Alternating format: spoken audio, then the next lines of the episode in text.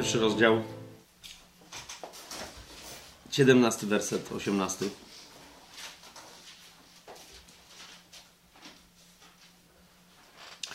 Ojcze, dzisiaj trwając cały czas w studium Słowa Bożego, w studium Twojego Słowa, zwłaszcza w liście do Efezjan, prosimy Cię dokładnie za sugestią tego, tego listu, prosimy Cię, Ojcze chwały, żebyś dał nam ducha mądrości i objawienia w poznaniu Ciebie samego, w Duchu Świętym, w Twoim duchu, przez Jezusa, w poznaniu Ciebie samego. Ojcze chwały. Prosimy, żebyś oświecił oczy naszych umysłów, naszych serc, żebyśmy wiedzieli, czym jest nadzieja Twojego powołania dla nas i czym jest bogactwo chwały Twojego dziedzictwa w nas. Żebyśmy nawet kiedy się modlimy tymi słowami, żebyśmy w ogóle zobaczyli, jaka w nich jest tajemnica i jednocześnie jakie w nich jest odsłonięcie tajemnicy i objawienie tajemnicy. Bo to nie jest tajemnica dla nas wierzących. Ojcze, daj nam przez to studium umocnienie wewnętrznego człowieka. Jeszcze większą radość, jeszcze głębszą, mocniejszą nadzieję, jeszcze większą cierpliwość w niecierpliwym oczekiwaniu na Twoje przyjście. Jeszcze więcej miłości do siebie nawzajem, pasji i entuzjazmu w naszej radości z tego, że jesteśmy jednym ciałem. Amen. Kolejny, kolejne studium. Teraz treść i struktura listu do Efezjan. Treść i struktura listu do Efezjan. Treść i struktura listu do Efezjan. Ehm, jak to inaczej powiedzieć, żeby nie zabrzmiało głupio? Widzicie, są takie, takie księgi w Biblii, które, żeby zrozumieć, których treść, żeby zrozumieć, trzeba najpierw załapać, na czym polega ich struktura. I wtedy mówisz, aha, jeżeli to jest struktura, to w takim razie ta księga przede wszystkim mówi o tym. Teraz e, struktura listu do Efezjan jest jedną z najprostszych w całej Biblii, jeżeli nie najprostszą w całej Biblii. Po prostu list do Efezjan składa się z dwóch części. Do tego stopnia się składa z dwóch części, że pierwsza część kończy się błogosławieństwem i wyrazem Amen. To jest koniec trzeciego e, rozdziału, 21 werset.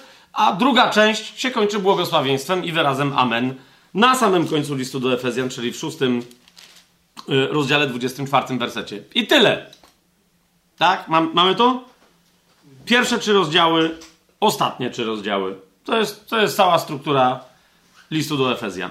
Teraz, rozumiecie, sęk w tym, że Paweł stworzył strukturę najprostszą, jak się tylko da, stąd mamy wrażenie takiej, takiej lekkości w tym liście, e, prostoty, żeby nawet nie rzec, że niektórzy zupełnie bez sensu, jak ktoś nie rozumie piękna i maestrii prostoty, e, no to wtedy tam, gdzie jest prostota, widzi prostactwo, ale to tylko świadczy o jego prostactwie. Bo to, że ten list jest prosty, nie znaczy, że jest prostacki, wręcz przeciwnie. Zauważcie, e, że sam początek listu do Efe, pierwszy rozdział, w zasadzie niektórzy powiadają, że pierwszy rozdział się składa, jak już pominiemy, pominiemy pierwsze pozdrowienie, pierwszy rozdział od trzeciego wersetu aż do ostatniego składa się, uwaga na to co powiem, w zasadzie z jednego zdania. Na zdrowie. Teraz niektórzy mówią nie, drugie zdanie zaczyna się pod koniec pierwszego rozdziału, no ale nadal masz tam zdanie, które jest złożone z kilkunastu wersetów, z których każdy jest tak wewnętrznie złożony, że nie jest rzeczą oczywistą, że rozumiesz, co tam jest napisane. Hmm? Zobaczcie sobie pierwszy rozdział listu do Efezjan. Hmm?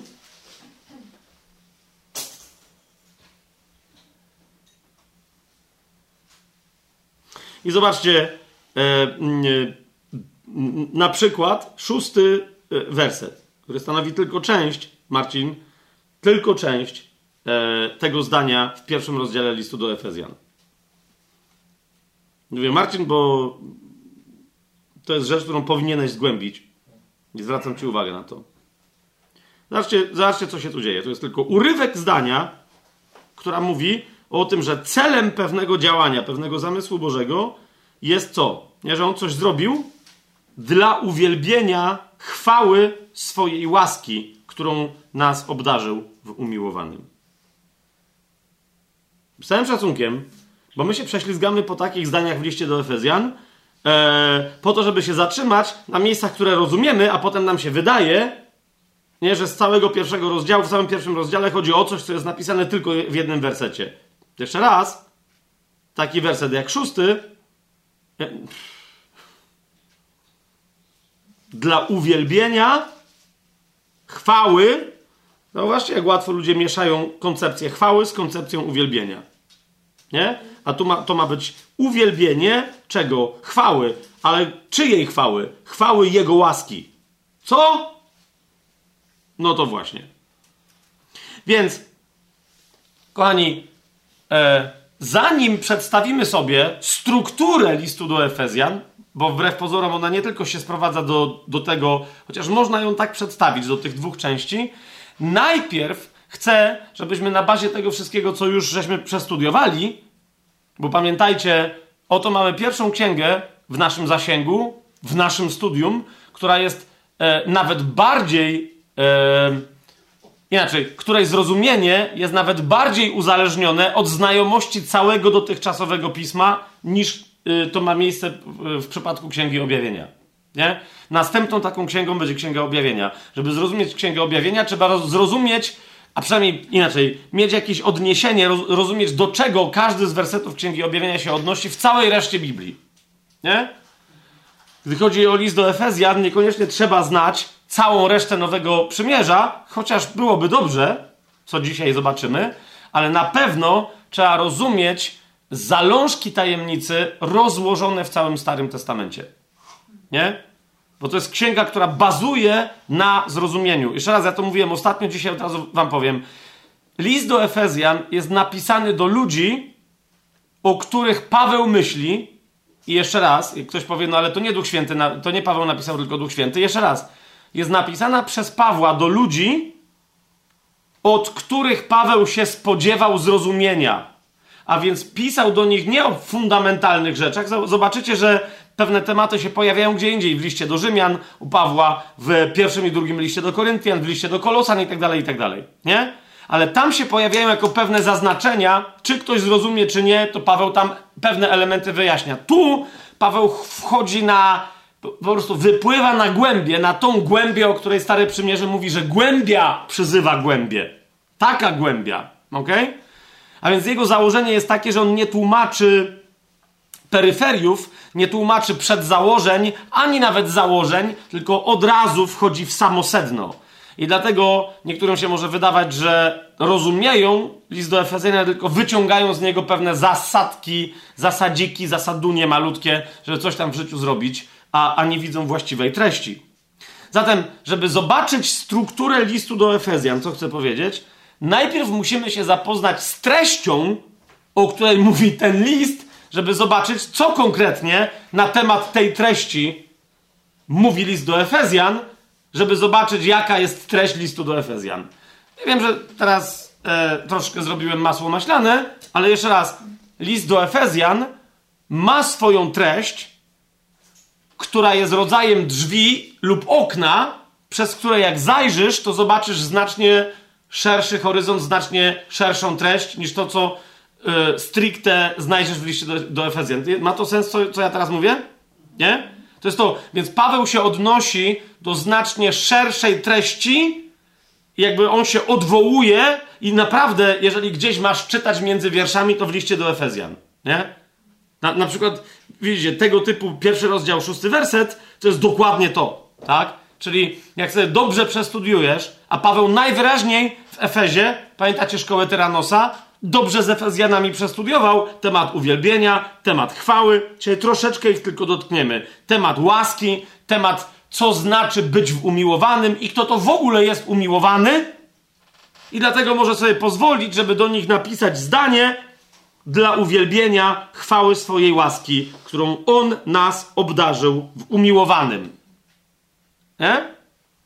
Widzisz, e, podam wam przykład Efezjanin, który słuchał uważnie Pawła, nie chcę teraz powiedzieć, że to jest troszeczkę jak tajem, tajemnoplanin. Nie? Który dosyć dobrze studiował do tej pory to, co żeśmy, o czym żeśmy mówili na tajemnym planie, bo nie, w żaden sposób się do świętego Pawła nie chce yy, yy, przyrównywać, ale to jest troszeczkę coś takiego. Nie? Czyli widzisz, yy, na przykład taki Efezjanin, czytając ten werset, odniesie się do czego? Do pytania kiedy? Nie? Kiedy? Kiedy ma się dokonać to uwielbienie chwały Jego łaski, którą On nas już obdarzył w umiłowanym? Kiedy? Kiedy to się dokonało i czy, i czy całkowicie się dokonało? Nie? Kiedy On nas obdarzył? Bo to już, bo to jest, On nas obdarzył, czas przeszły ale to obdarzenie kompletnie się zrealizowało, czy nie? Co było, co jest teraz, co ma miejsce i czy to, co jest teraz, różni się od tego, co było i co jeszcze będzie mieć miejsce. Tak? Gdy chodzi o samo obdarowanie. Dwa, kiedy dojdzie, czy może już doszło jakoś do tego uwielbienia.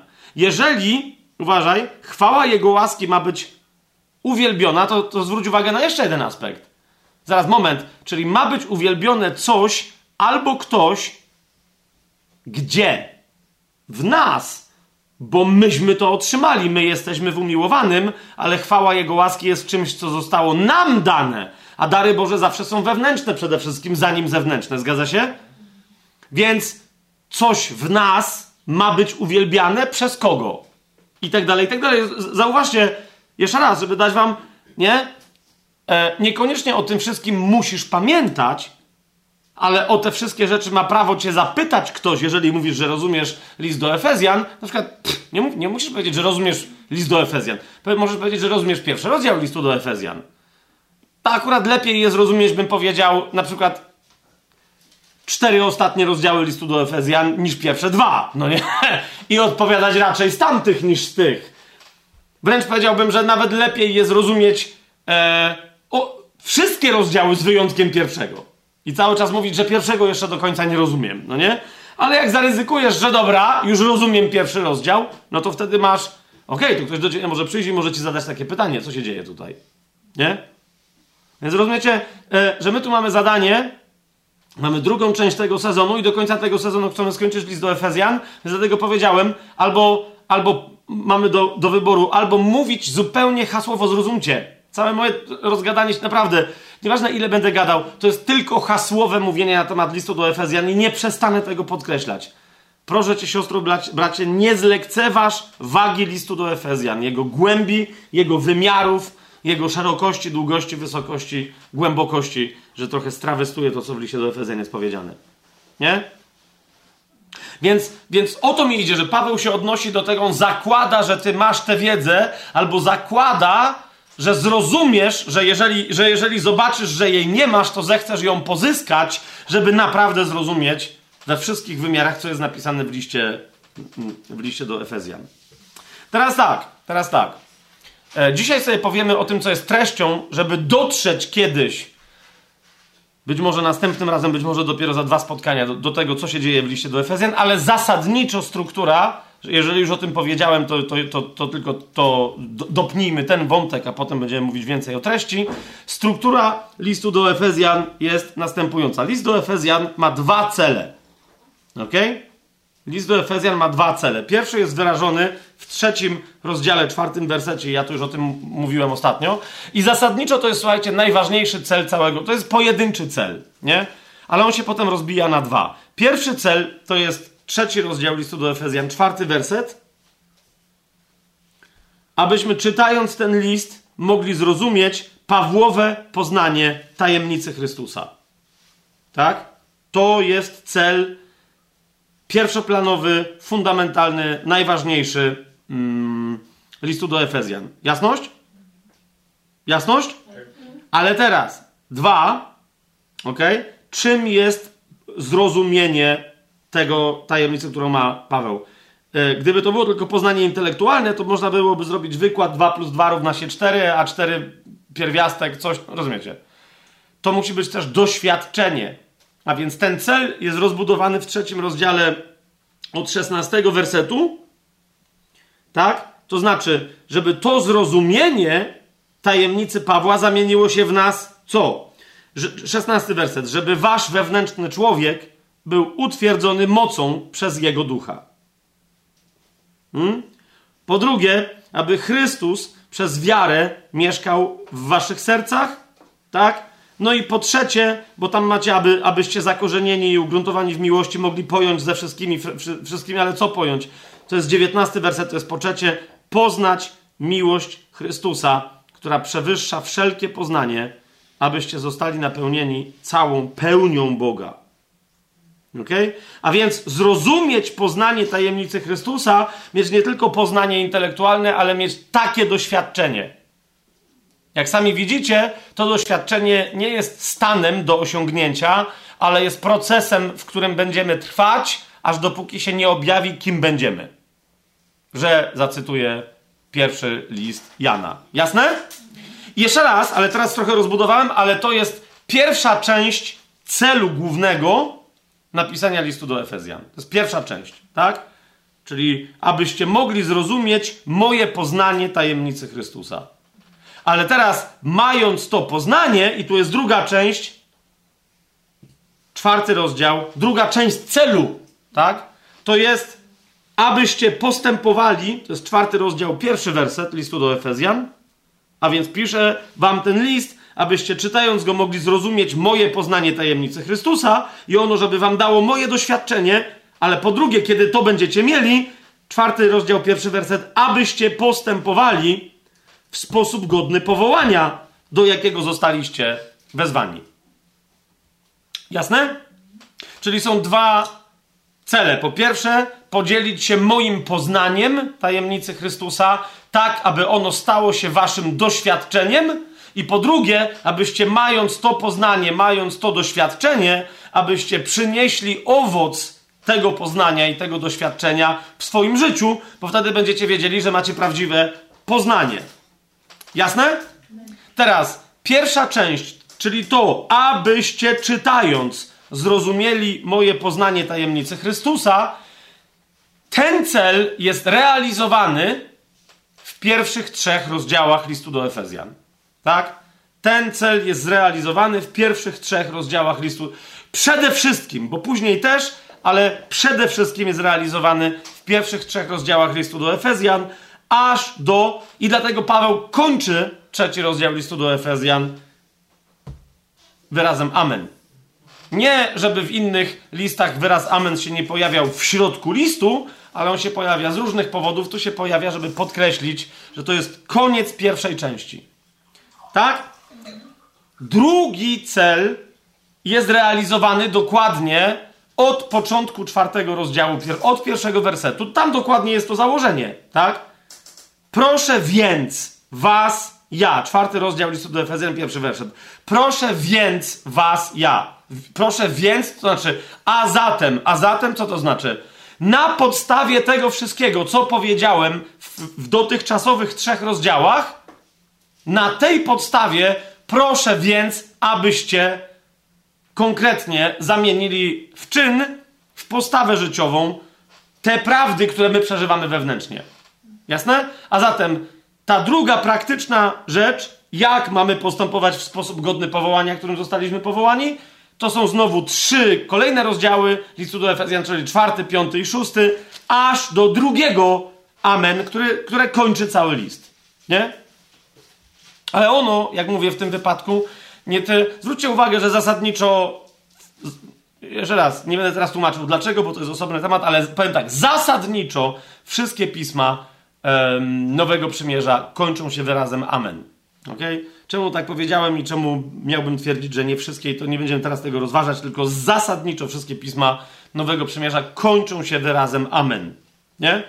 Więc to jest amen, które kończy cały list, ale jednocześnie kończy tę drugą część, bo pierwsza część miała swoje osobne amen podkreślające. Mamy to? Mamy to? Mamy to? I oczekiwałem takiego jakiegoś murzyńskiego Amen! Preach, preach, bra, bra. Okej. Okay. Okej. Okay. No, no właśnie, to jest to. Ale nie będę niczego robił, żeby was ekscytować w ramach czegoś tak ekscytującego jak list do Efezjan. jeżeli nie macie tego podekscytowania, to jest nie mój problem. Teraz, yy, teraz, zwróćcie, teraz tak.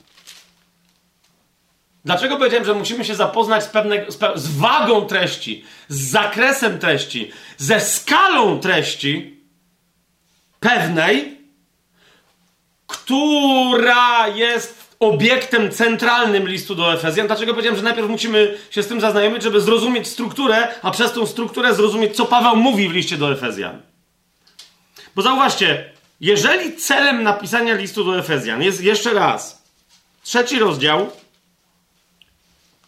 czwarty werset, abyście czytając to mogli zrozumieć, czyli dlatego czytając to możecie zrozumieć moje poznanie tajemnicy Chrystusa, to my najpierw musimy wiedzieć, co to jest. Nie? I, I, Paweł zakłada, że kto jak kto, ale Efezjanie wiedzą. I teraz moje pytanie brzmi, czy jesteś Efezjanką, czy jesteś Efezjaninem, siostro i bracie? Bo jak nie, to najpierw zajmij się pre-studium i proszę cię, nie czytaj więcej listu do Efezjan, bo się tylko pogubisz. Zresztą co i róż w historii teologii biblijnej, e, egzegezy protestanckiej, reformacyjnej, postreformacyjnej itd., tak itd. Tak mamy ludzi, którzy się zgubili, myśląc, że odkryli fundamentalne prawdy w liście do Efezjan. Nie? Naprawdę dyskutując o fundamentalnych tematach. Jednym z nich jest na przykład utracalność lub nieutracalność zbawienia. Dokładnie, ktoś, kto nie zrozumiał listu do Efezjan, może wpaść na to i tylko ktoś taki, powiedziałbym, nie wchodząc teraz w meandry rozważań, tylko ktoś taki, kto nie zrozumiał dobrze listu do Efezjan, może uznać, że zbawienie wraz ze swoją podstawą, czyli z usprawiedliwieniem z łaski przez wiarę, może być pomyślane jako utracalne. No, musi wynikać z tego, że ktoś uznał list do Efezjan jako list fundamentalnie mówiący o zbawieniu, a list do Efezjan prawie w ogóle nie odnosi się do zbawienia, ale mówi o zbawieniu kontekstualnie, mając na myśli swój temat centralny. Teraz ja gadam rzeczy, patrzycie na mnie i mówicie, oho, oho, tak. Idzie mi o to, że zobacz, jak wielu ewangelistów, kiedy głosi Ewangelię, zamiast cytować z 60 innych miejsc Pisma Świętego, często mają tylko jeden cytat, i to jest cytat z drugiego listu do Efezjan. Pod, zaczynający się od ósmego wersetu. Łaską bowiem jesteście zbawieni przez wiarę. Rozumiecie? I tu się zaczynają gubić. Dlaczego? Ponieważ to, jak my jesteśmy zbawieni łaską przez wiarę, jest wyjaśnione wszędzie, tylko nie tutaj. Ok? Paweł zakłada, że mówi do poważnych ludzi, dojrzałych w wierze, nie tylko dojrzałych w studium Biblii, tak? Nie do znawców Biblii, uczonych w piśmie, tak? Ale że mówi do ludzi dojrzałych w wierze, którym nie musi tłumaczyć fundamentów, jak Rzymianom czy Koryntianom, czy Kolosanom. Nie musi wracać. Wiecie o co mi idzie? To że łaską jesteśmy zbawieni przez wiarę i tak dalej, i tak dalej, to jest tylko wynik tego, co Paweł do tej pory powiedział i co od tej pory zamierza mówić, czyli to jest tło, wprowadzenie do dziesiątego wersetu i do następnych. Nie? Yy, Pierwsza część, jako część teologiczna i teologalna, i jeszcze raz nie będę tłumaczył, co to jest za różnica, ale jak ktoś jest na tym etapie, że rozróżnia te słowa, to będzie wiedział, co mówię. Pierwsza część, jako, jako część tego listu stricte teologiczna i teologalna, jest napisana absolutnie genialnym chiasmem, naprawdę z rozmysłem wchodzącym w górę i z góry i jak sobie policzycie wersety, pamiętając o tym, które, od, które wyciąć z tej struktury chiastycznej, bo do niej nie należą, na przykład pozdrowienia na początku i tak dalej, to zobaczycie, że szczytem tego chiazmu, który się zaczyna w trzecim wersecie pierwszego rozdziału listu do Efezjan, a kończy się w dwudziestym pierwszym wersecie trzeciego rozdziału listu do Efezjan, że szczytem tego chiazmu jest dziesiąty werset drugiego rozdziału. Najważniejsza myśl. Okej? Okay? Wszystkiego w tych trzech rozdziałach jest zawarta w zdaniu: Jesteśmy bowiem Jego dziełem, stworzeni w Jezusie Chrystusie do dobrych uczynków. Ja teraz mówię punktami. Po pierwsze, jesteśmy Jego dziełem. Po drugie, teraz stworzeni w Chrystusie Jezusie. Po trzecie, do dobrych uczynków. Po czwarte, nie jakichkolwiek dobrych uczynków, ale tych, które Bóg wcześniej przygotował. Po piąte, abyśmy w nich postępowali. Nie abyśmy je wykonywali, lecz abyśmy w nich postępowali. Z pięć myśli. Nie? I teraz yy, wprowadzenie, że jesteśmy łaską zbawieni przez wiarę, nie z uczynków, jest wprowadzeniem tylko po to, żeby przypomnieć o tym, że te uczynki nie służą w ogóle zbawieniu i nie mają związku ze zbawieniem i nie mogą mieć związku ze zbawieniem. Czyli Paweł przygotowuje grunt pod wypowiedź: My jesteśmy stworzeni do dobrych uczynków. Dobre uczynki są kwintesencją teraz nasze, naszego życia. Ok? Tylko zrozumcie, że one nie mają niczego wspólnego ani z usprawiedliwieniem, ani ze zbawieniem. Bo ono jest dokonane z łaski przez wiarę. Nie? Ale jak się dokonuje zbawienie, usprawiedliwienie i zbawienie z łaski przez wiarę, to tutaj Paweł w ogóle się na ten temat nie wypowiada. On tylko mówi, to jest oczywista rzecz, to jest, są wam fakty znane. I tajemnice związane z tymi faktami są opisane wcześniej. Włącznie z zasiadaniem Chrystusa po prawicy Ojca na wysokościach niebieskich i z naszym przebywaniu w Nim po prawicy tej chwały i tej mocy. Amen? Okej. Okay. Więc teraz, kochani, jeszcze raz. E, Cały list tyczy się tajemnicy Chrystusa. Rozumiesz? Po tego, co Paweł rozumiał przez tą tajemnicę, a więc tego, co naprawdę przez niego całemu w zasadzie Kościołowi Duch Święty objawił. Nie, bo rozumiecie, po, po, popatrzcie teraz coś takiego. Coś wam pokażę, bo jak ja teraz mówię, bo oczywiście jest niemożliwą rzeczą, żebym ja teraz powiedział, czyli list do Efezjan jest o tajemnicy. Jakiej? Tej jednej, jedynej, która jest tajemnicą Chrystusa. Czyli co to jest? I teraz popatrzcie, jechaliśmy tu dzisiaj y, z, z Madzią, rozmawialiśmy i mówię, Madzia, no popatrz, ty, ty, jesteś moją żoną. Jesteś pilną studentką tajemnego planu, rozumiesz? I, nie, I innych też nauczycieli, zgłębiasz, czytasz Biblię, modlisz się, prorokujesz. Więc mówię, ale nadal, jeżeli ci powiem, list do Efezjan, to jest list na temat tajemnicy Chrystusa. To co to jest? I Madzia mówi, to jest list o Kościele. Na temat Kościoła. Mówię, no właśnie, nie? Widzicie, co się dzieje? Znaczy, albo się nic nie dzieje, to widzicie, że się nic nie dzieje, albo jeżeli się coś zadziewa, to zauważ, my mamy jakieś takie przedziwne wrażenie, że my wszystko wie. Nieważne, jaka jest, jakie jest Twoje zrozumienie Kościoła, wszyscy w Kościele mają wrażenie, że wszystko na temat Kościoła rozumieją. I może z tego powodu prawie nigdzie na świecie nie ma właściwego Kościoła i pełni objawienia ciała Chrystusa, bo wszyscy są tak przekonani, że wiedzą, co to jest, że nikt nie wie, a wszyscy żyją w kompletnej, zawinionej ignorancji na ten temat. Nie? Tak, tajemnicą Chrystusa jest Kościół. Sęk tylko w tym, że prawdopodobnie to nie jest to, co myślisz. Teraz. Kopujesz? To nie jest to, co myślisz. Podam wam już teraz na wstępie pewien test. Nie? Jeżeli uważasz, że wiesz, co to jest Kościół, Otwórz sobie, nie róbcie tego teraz, kiedy, kiedyś, zrób sobie psychotest. No nie? Dobra, żartuję, to nie jest psychotest. To jest logotest.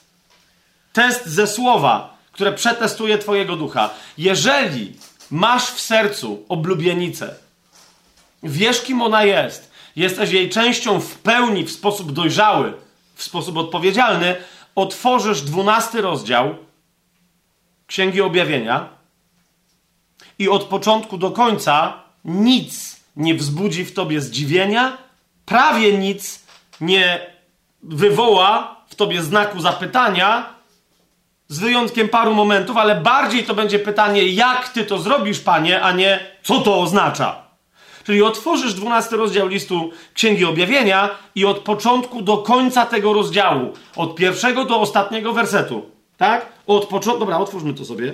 Nie otwierajcie, a i tak sobie otworzyliście niektórzy, więc potajemnie, jakby, jakby Ziania nie wiedziała, że to widzę, no nie?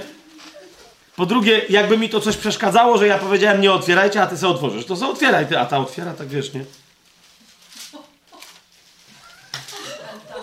Wolność! Ty! Ta nie ma co otwierać, bo, bo, bo, bo ta Ania z komórki czyta. Dobra. Yy, począwszy od pierwszego wersetu, dwunasty rozdział Księgi Objawienia, pierwszy werset. I ukazał się wielki cud na niebie, kobieta ubrana w słońce i księżyc pod jej nogami. Jeszcze raz, przypomnę wam, nie bez przyczyny mówiłem o Artemidzie ostatnio. Ok? I że do Efezjan przychodzi objawienie na temat właściwej, jedynej kobiety, która nie jest żadną boginią i nie jest żadną kobietą. Tak? I tego, jak bardzo Artemida Efeska jest pokręconą, groteskową parodią i karykaturą tego cudu niebieskiego, którym jest Kościół. Ok? Do tego stopnia, że ta Artemida w pewnym momencie ujawni swoje ohydne oblicze, a następnie przez antychrysta, który będzie jej dzieckiem, zostanie zamordowana. I Księga Objawienia o tym mówi. Mówi, jest jedna misterion, nierządnica Wielki Babilon. Ohyda. Ohyda. Ona jest parodią tej kobiety, która jeszcze raz powtarzam, nie jest kobietą, bo tamta kobieta też nie jest kobietą. I tu nie chodzi o płeć.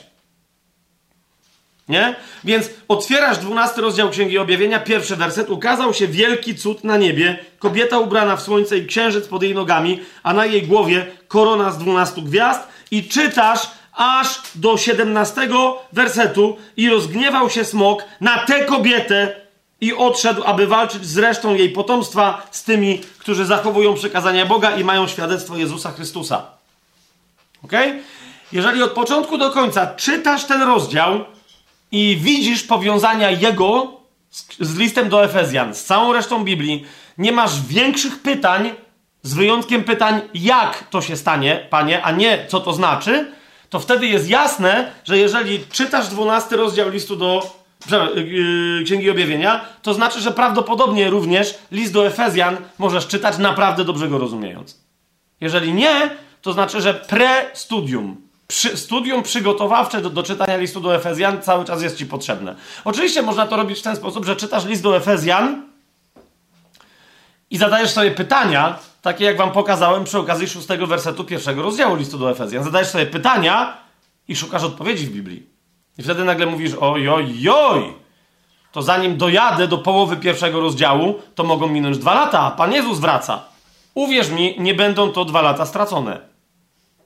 Jeżeli tylko naprawdę dojdziesz do połowy pierwszego rozdziału, wiedząc, co się tam dzieje. Twoja wiara wzrośnie, Twoja wiara się umocni, Twoja wiara się pogłębi. Możliwości objawiania się mocy pańskiej przez Twoje poddanie się w wierze, wierze Jezusa, woli Ojca, rozumiesz, pozwoli ci zobaczyć rzeczy, o których twoje serce marzyło i których twoje serce pragnęło z dawien dawna, a teraz zobaczysz, jak przez ciebie ta moc się ujawnia.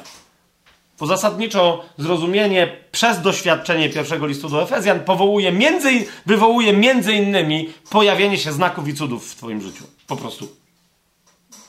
Jak, jak zobaczysz końcówkę pierwszego rozdziału, to zrozumiesz, że może nie jak to się stanie, ale że taka jest obietnica w ogóle w tym rozdziale. Nie? a to jest dopiero pierwszy z trzech. Nie? W trzecim są znacznie potężniejsze obietnice do doświadczenia już tu i teraz. Więc, kochani, ale jeżeli czytasz 12 rozdział Księgi Objawienia, o to mi chodzi, i mówisz zaraz, ja to w ogóle nie kapuję, co się tu wyprawia. Kto tu jest kim? Kto komu co robi? Jeżeli to jest Izrael, to czemu to, to, to, to, to? I to nie może być. Jeżeli to jest Kościół, to dlaczego w takim razie to, to, to kto, kim są ci, a kto to są tamci i dlaczego rózga żelazna? Nie? Więc widzisz, idzie mi o to, że prawdopodobnie, jeżeli czytasz Księgę Objawienia 12 rozdział i wiesz, co się tam dzieje, to prawdopodobnie będziesz naprawdę swobodnie poruszać się na głębinach, po głębinach listu do Efezjan. Nie? I teraz, kochani, zrobimy bardzo przyspieszony kurs i wa bardzo was proszę, żebyście to zrozumieli, że ja naprawdę się ślizgam po powierzchni, nie? I to, ale to dosłownie na, na tym, jak się nazywają te takie, wiecie, te takie s, s, s, skate, no jak się to nazywa, że, że nie, nie surfujesz, tylko masz jeszcze spadochron, na którym możesz latać. Kitesurfing, okej, okay, dobra. Więc to będzie trochę kitesurfing, no nie? Że ja prędzej się jeszcze uniosę nad powierzchnią, niż wejdę trochę pod.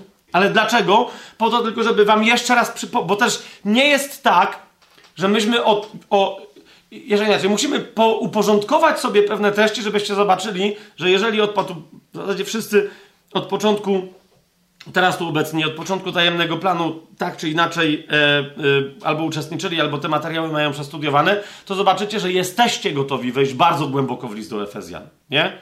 Tylko musimy to zrozumieć. Czyli list do Efezjan. Tak? Musimy to zrozumieć. O, czy, o czym on, do czego, żebyśmy z niego skorzystali, żeby on nam odsłonił jeszcze coś, to musimy najpierw sobie odpowiedzieć na pytanie, ale z czego coś ma jeszcze nam odsłaniać? Z tajemnicy Chrystusa. Ja ją sobie roboczo nazwę, kochani, tajemnicą tajemnic. Ok? Tajemnicą tajemnic. Jeszcze raz powtórzę, tajemnicą tajemnic, bo my mamy dostęp, i Pan Jezus mówił o naszym dostępie do wielu tajemnic. Nie? Bóg jest nazywany e, Bogiem tajemnic, który swoim ludziom ujawnia tajemnicę. Liczba mnoga, cały czas liczba mnoga.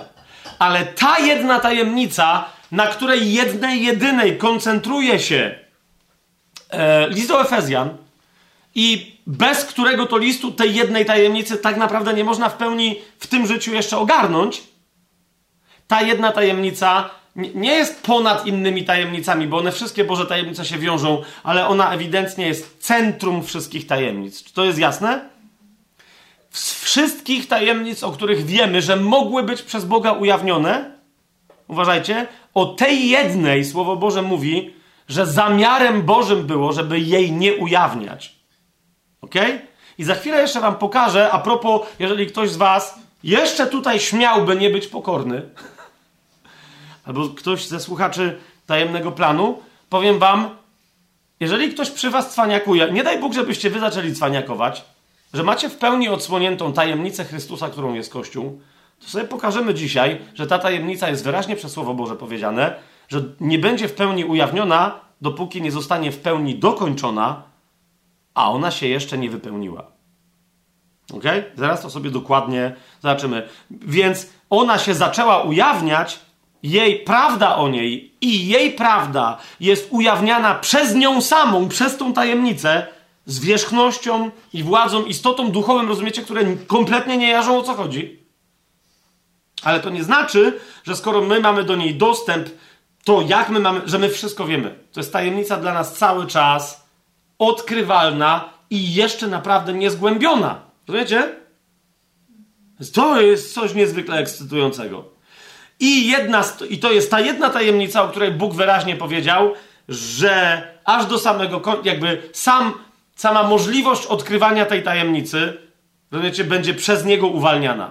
Nawet najwięksi prorocy Starego Testamentu, a i Nowego Testamentu, kiedy nie padnie kolejne teraz, kolejne teraz, kolejne teraz, nawet jeżeli będą wiedzieć, to nie będą mogli powiedzieć w pełni tego, co, się, co można powiedzieć na temat tej tajemnicy, i nawet jeżeli będą, to. Yy, mieli dostęp do mocy tej tajemnicy, nie będą mogli jej ujawnić, aż dopóki Bóg po raz kolejny nie powie teraz ta część i jeszcze ta i jeszcze ta, dopóki ta tajemnica, dlatego ta tajemnica, tajemnica Chrystusa, tajemnica tajemnic w paru miejscach w Biblii jest nazywana, uważajcie na to, bo to wam może pomóc w, w waszym studium, jest nazywana po prostu tajemnicą Boga. Bo Bóg ją sobie zachował jako tajemnicę przed wszystkimi innymi. Jasne? Teraz, kochani, e, na początek taka interesująca e, ciekawostka, która nie jest żadną ciekawostką, li tylko sobie, tylko jest bardzo poważnym oświadczeniem Bożym. Wyobraźcie sobie, że to słowo misterion pojawia się w Starym Przymierzu tylko i wyłącznie w jednej księdze. Nie żeby się jakoś bardzo dużo, ale pojawia się, rozumiecie, bam, bam, bam, bam, bam, bam, zwłaszcza e, w, w drugim rozdziale tej księgi i potem na początku czwartego. Dosłownie bam, bam, bam, bam, bam, bam, bam. I potem się nigdzie więcej nie pojawia. Dokładnie te miejsca, my wiemy, że jest hebrajski wyraz, czyli raz, tak się nazywa ten wyraz. Eee, ten wyraz jest przetłumaczony jako misterion No bo Septuaginta tłumaczy ten wyraz, ok? I teraz uważajcie, on się pojawia, ten wyraz się pojawia tylko i wyłącznie w księdze Daniela. Już samo to powinno być znaczące, nie? Tylko i wyłącznie w księdze Daniela. Ale zobaczcie proszę razem ze mną, w jakim kontekście wyraz misterion, czyli raz, chciałbym powiedzieć, że hebrajski to jest starohebrajski, tylko sęk w tym, bo to jest dobre pytanie, e, na ile hebrajski jest język księgi Daniela, no ale teraz nie będę, nie będę teraz jeszcze i w to wchodził. Więc otwórzmy sobie drugi rozdział księgi Daniela. Tym drugim rozdziale dochodzi do. Y, jest jedna z moich ulubionych y, historii Starego y, Przymierza.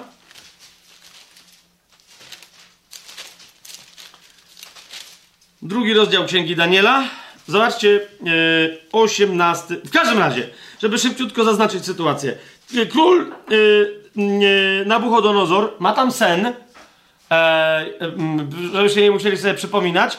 E, najlepsze jest to, że ma sen i chce, żeby mu e, jego nadworni magowie, wróżowie, wróżbici, czarnoksiężnicy i inni wiedźmini, żeby mu ten sen wyjaśnili. Ale wiecie, na czym polega problem?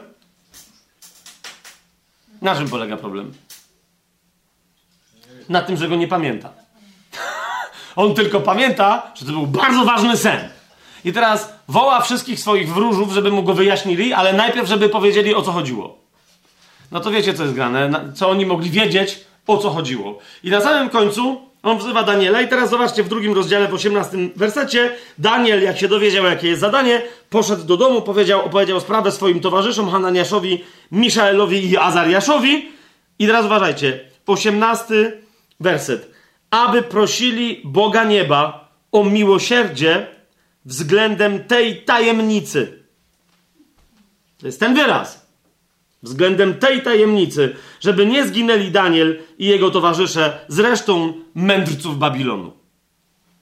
Więc jest pytanie teraz, czy być może, jeżeli tu się pojawia ten tak znaczący wyraz, czy czasem ten sen nie miał jakiegoś związku z tą tajemnicą, o której my właśnie mówimy.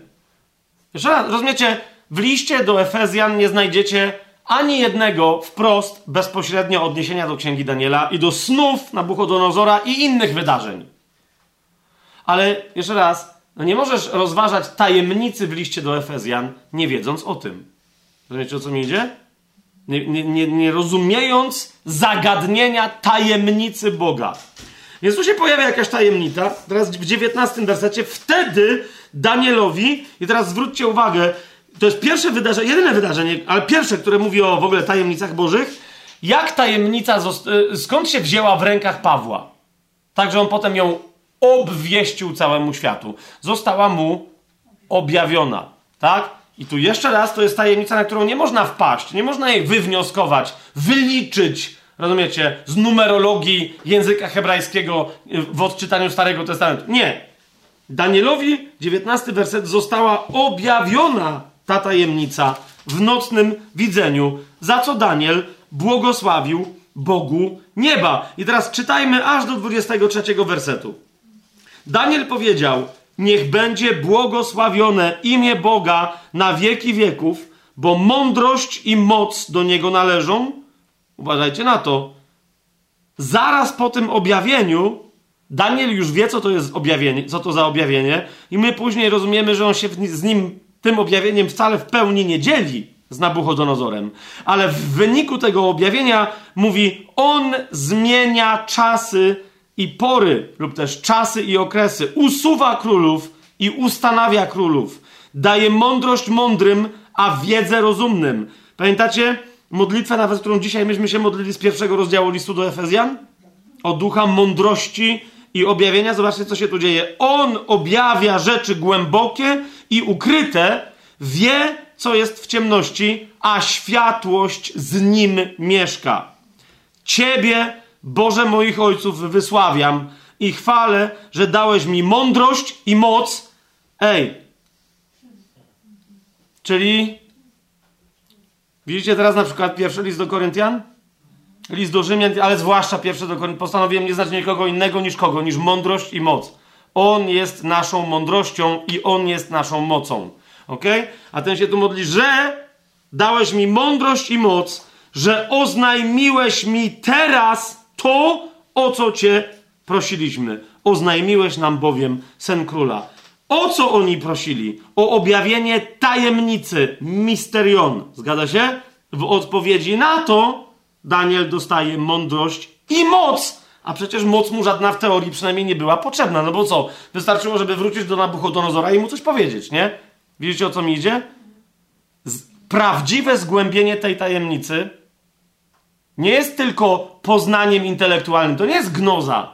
Prawdziwe poznanie tej tajemnicy powoduje, że stajesz się osobą mądrzejszą, a mądrość się ujawnia w czym? W Twoich decyzjach życiowych, w Twoich wyborach, w Twoim działaniu, w Twoim postępowaniu. Ale dwa, ta tajemnica powoduje, że niezależnie od tego, co możesz zrobić po ludzku, ujawnia się przez Ciebie moc Boża. Jasne? Ujawnia się przez Ciebie moc Boża. Jak? Jak tylko chce. Ale to Rozumiesz, co robił Jezus, który był wcieloną mocą i mądrością Bożą? To zaczyna pod wpływem tej tajemnicy z ciebie wychodzić. No, jeżeli, jeżeli tą tajemnicą jest Kościół, bo jest, to moje pytanie brzmi: to gdzie jest moc? Tam, gdzie jest Kościół. Jeżeli nie ma mocy, to znaczy, że nie ma Kościoła, jest tylko nasze wyobrażenie na ten temat. Prawdopodobnie błędne. Bez poznania woli Bożej. E, dalej, w tym samym rozdziale, w 27 wersecie, Daniel się pojawia przed królem i powiada tak. Daniel odpowiedział królowi. No bo ten mówi, wiesz o co chodzi? E, tam pamiętajcie, że, e, że cały czas jeszcze Daniel jest także nazywany Belteszassarem, więc jak gdzieś się pojawi zwrot o Belteszassarze albo do Belteszassara, to jest Daniel po prostu, tak? E, król odpowiedział Danielowi, któremu na imię było Belteszazar, czy potrafisz oznajmić mi sen, który miałem oraz jego znaczenie. Zauważcie, 27 werset. Daniel odpowiedział królowi: Tajemnicy, o którą król pyta, nie mogą oznajmić królowi mędrcy, astrologowie, magowie i wróżbici. Rozumiesz? Nieważne, jaką kto się wiedzą, do sposobem pozyskania wiedzy posługuje, albo Bóg, i w tym wypadku warto się posłużyć tym wyrazem, tym przymiotnikiem. Suwerennie chce komuś objawić, albo nie ma tam dostępu. Człowiek, istota duchowa, najpotężniejsza nawet, nie ma tam wstępu. Nie? To jest pierwsze. I to jest pierwszy werset tu w jednym ciągu, kiedy się pojawia wyraz tajemnica. Drugi werset, 28. Czyli następny.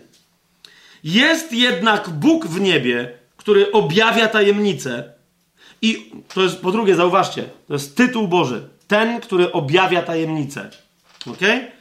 Jest jednak Bóg w niebie, który objawia tajemnicę i On oznajmił królowi Nabuchodonozorowi, co nastąpi w ostatecznych dniach. Widzicie już czego się tyczy? Tego, co Biblia nazywa dniami ostatnimi. Twój sen i widzenia w Twojej głowie, które miałeś na swoim łożu, są takie. Dwudziesty dziewiąty werset, gdzie znowu ten wyraz się pojawia. Tobie, królu, przychodziły na twoim łożu myśli o tym, co ma nastąpić później. Ten zaś, który objawia tajemnicę, kolejny raz ten sam tytuł Boży, oznajmił ci to, co nastąpi. Kiedy? Na samym końcu. Uważajcie, czasy ostateczne są tak nieodwołalnie związane z Kościołem, że kiedy nie ma Kościoła, nie ma czasów ostatecznych, kiedy jest już Kościół, to są czasy ostateczne, nieważne ile by miały trwać. Nie? Ale Kościół zaświadcza o czasach ostatecznych, Kościół napędza procesy czasów ostatecznych, dni ostatecznych, aż do ostatniego końca czasów. Czasów, czasów. I dalej, 30 werset, znowu się pojawia ten sam wyraz. I mnie została objawiona ta tajemnica. Zauważcie, nie za jakąś mądrość, jakbym miał jej więcej niż wszyscy żyjący, ale tylko i wyłącznie, tu jest wyraźnie to w języku e, biblijnym podkreślone, tylko i wyłącznie przez modlitwę, aby znaczenie było oznajmione królowi i abyś poznał myśli swojego serca. Jeszcze raz. Aby Pan oświecił oczy naszych serc, naszych umysłów. Widzicie, jakie tu są związki? Paweł dokładnie, jeżeli kogoś z was to nie ekscytuje, to, to nie powinno nikogo ekscytować, ale rozumiesz, twoje poznanie, poznanie tajemnicy Pawła musi być, powin, ma być znacznie bardziej ekscytujące niż to, czego doświadczył Daniel. Są tacy, którzy czytają tu o Danielu i mówią: Wow, chciałbym tak. Ale rozumiesz, to jest tylko pewien punkt odniesienia do tego, czego doświadczył Paweł, a potem Paweł powiedział: A moje doświadczenie jest czymś, co jest dostępne Wam wszystkim. Ja jestem tylko świadkiem, że to jest dostępne, a nie jedynym posiadaczem tej tajemnicy. Jasne? W drugim rozdziale Y, bo co tam mu Daniel tłumaczył, to teraz mniejsza o to, bo to byśmy się w ogóle osobny y, wykład musieli zrobić. W drugim rozdziale, w 47 wersecie zauważcie, jak to wszystko Nabuchodonozor słyszy, zwraca się do, do Daniela i mówi, zaprawdę wasz Bóg jest Bogiem bogów i Panem królów, który objawia tajemnice. A mówię to dlatego, bo zdołałeś objawić te tajemnice. Widzicie to? Jest tym, który objawia tajemnicę, liczba mnoga. Dlaczego? Bo, bo jeżeli ktoś umie zacząć wyjawiać i objaśniać te tajemnice, to znaczy, że, że ma też dostęp do wszystkich innych tajemnic, że Bóg ten zna wszystkie tajemnice, przed nim nie ma żadnych tajemnic. On co najwyżej je może, e, on co najwyżej je może skrywać. Nie? Ten wyraz tajemnica jeszcze się pojawia e, tam z raz czy dwa razy, e, oprócz tych, które tu przywołałem w księdze Daniela, ale to jest tyle. To jest cały kontekst słowa tajemnica w Starym Przymierzu. Nigdzie indziej. Nawet nie specjalnie w całej reszcie Księgi Daniela, jak powiedziałem jeszcze w czwartym rozdziale, to już mniejsza o to. Zasadniczo to zagęszczenie ty, tego wyrazu tajemnica, tajemnica, tajemnica, czyli raz, raz, raz e, w języku hebrajskim jest tylko tutaj. W tym drugim rozdziale, więc nie nawet w całej księdze, ale w drugim rozdziale Księgi Daniela z całego Starego Przymierza. Co wy na to? Idziemy dalej. W Nowym Testamencie, chciałbym na to Wam zwrócić uwagę, istnieje, istnieje ten wyraz misterion w liczbie mnogiej. I to jest bardzo istotne, żebyśmy jeszcze raz wiedzieli, czy my mamy dostęp do tajemnic w liczbie mnogiej, żebyśmy później docenili to, że Pan chce nam objawić tę tajemnicę, która jest osią wszystkich innych tajemnic. Nie? Zobaczcie, Pan Jezus w Ewangelii Mateusza w 13 rozdziale w jedenastym wersecie, w, w, w oczywistym, znanym nam dobrze kontekście, powiada: Wam dano poznać tajemnicę Królestwa Niebieskiego, ale im nie jest dane. Dlaczego, z jakiego powodu i tak dalej. Jeszcze raz, jest to bardzo istotne, że Pan Jezus tu mówi w liczbie mnogiej. Wam dano poznać tajemnicę Królestwa Niebieskiego, a im nie jest dane. Widzicie to? E, w Ewangelii Łukasza. Przeczytamy e, w ósmym rozdziale. W Ewangelii Łukasza przeczytamy w ósmym e, rozdziale, w dziesiątym wersecie. A on im powiedział: Wam dano poznać, znowu liczba mnoga, tajemnicę Królestwa Bożego, ale innym mówi się w przypowieściach, czy opowiada się w przypowieściach, aby patrząc nie widzieli i słysząc nie rozumieli. A znowu, wam jest dane poznać tajemnice.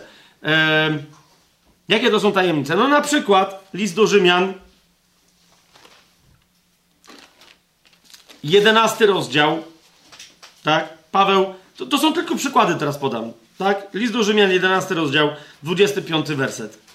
Nie chcę bowiem, bracia, abyście nie znali tej tajemnicy, żebyście sami siebie nie uważali za mądrych a mianowicie, że zatwardziałość po części przyszła na Izrael, dopóki nie wejdzie pełnia pogań, pogan.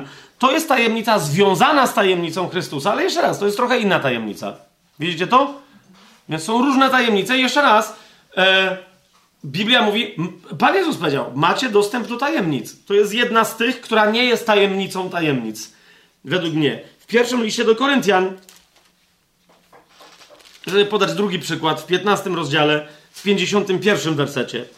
Znowu, to jest tajemnica, która się wiąże z, z ową tajemnicą tajemnic, której chcemy dzisiaj dotknąć. Nie? Ona się wiąże, ale to nie jest dokładnie ta tajemnica. 15 rozdział pierwszego listu do Koryntian, 51 werset. Oto oznajmiam wam tajemnicę. Nie wszyscy zaśniemy, ale wszyscy będziemy przemienieni. No, i, teraz, i, i tak dalej. Nie, nie będę teraz tego, ale sami widzicie, nie? Nie musieliśmy tego wiedzieć, ale możemy to wiedzieć, a skoro możemy, to, to, to Paweł mówi, no to ja ujawniam. Czemu nie? Wróćmy do, skoro jesteśmy w tym pierwszym do Koryntian, no to na przykład w pierwszym do Koryntian, w czwartym yy, rozdziale, w pierwszym wersecie, a propos właśnie tych rozmaitych w liczbie mnogiej tajemnic, Paweł mówi, niech więc każdy, to jest czwarty rozdział, pierwszy werset. Pierwszy do Koryntian, czwarty rozdział, pierwszy werset. Niech więc każdy uważa nas za sługi Chrystusa i szafarzy tajemnic Boga. Kto to są szafarze? Szafarz, to jest stary polski wyraz, to jest ktoś, kto ma dostęp do dóbr i je rozdziela. Jedzenia, innych dóbr materialnych i je rozdziela słusznie, sprawiedliwie, ile komu potrzeba ile kto może zjeść, jeżeli to jest jedzenie, nie? Potężny, dwumetrowy chłop, no co wiadomo, pół kostki smalcu, sznycel, malutka, yy, siedmioletnia dziewczynka, no to wiadomo, pół kostki smalcu, jakieś warzywka. Wiecie o co mi chodzi, no nie? W zależności od tego, co tam kto potrzebuje. To jest dobry szafarz. Tu Paweł mówi, my jesteśmy sługami Chrystusa i szafarzami tajemnic Boga. My nimi nie, że szafujemy, że robimy z nimi co chcemy, tylko po prostu patrzymy, na ile ludzie są w stanie je przyjąć, na ile ludzie są w stanie je poznać, i my mamy, jeżeli ktoś twierdzi, że jest sługą Chrystusa, ale przez jego usługę nie objawia się nam żadna Boża tajemnica i się nam nie pogłębia, nasze poznanie, nasze objawienie Bożych tajemnic się nie pogłębia, nie przynosi nam większej dojrzałości, to kwestionowałbym, czy to jest sługa Boży według biblijnego rozumienia, według biblijnej definicji. Rozumiecie o co mi chodzi? Nie, nie, nie, nie rzucam teraz nikomu żadnego wyzwania ani nic, tylko po prostu no, mówię. W pierwszym do Koryntian, w trzynastym rozdziale, zauważcie pewnym stanem idealnym chrześcijanina, znaczy inaczej, bliskim do idealnego. Bo idealnym by było, żeby miał wszystko, ale oczywiście miłość.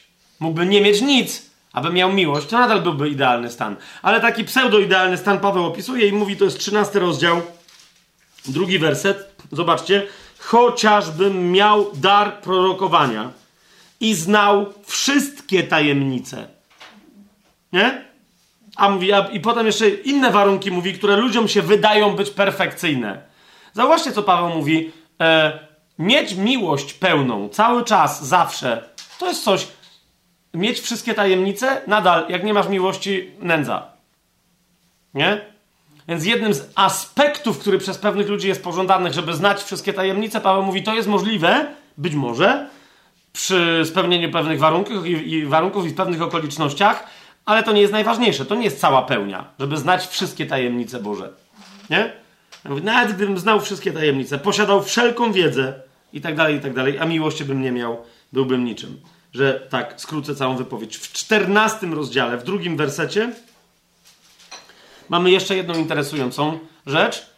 E, dla tych, którzy, nie wiem, nie, nie mają w, w zbytnim poważaniu daru języków. W czternastym rozdziale, w drugim wersecie, Paweł mówi: Ten, kto mówi językami, czy też obcym językiem, nie mówi ludziom, ale Bogu, bo nikt go nie rozumie, ale Bóg go rozumie.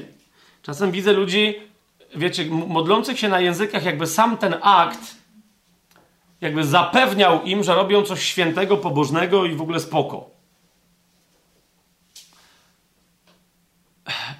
I zachowują się, jakby się nie modlili czasami. No bo gadają coś, wiecie o co mi chodzi. No, ja o tym parokrotnie mówiłem. Widziałem e, jedną siostrę, która się modli na językach i czyta coś z komórki. Nie? I tego typu postawy. E, rozumiesz? Języki powinny wzbudzić w tobie trwogę. Dlaczego? Bo wszyscy dookoła mogą zlekceważyć to, to, to, co mówisz na językach. Rozumiesz? Jedyną osobą, która cię słucha ze zrozumieniem, jest Bóg. Kapujesz, jak się modlisz na językach, inni cię mogą zrozumieć, mogą nie, mogą zrozumieć, co robisz albo nie, ale Bóg cię rozumie.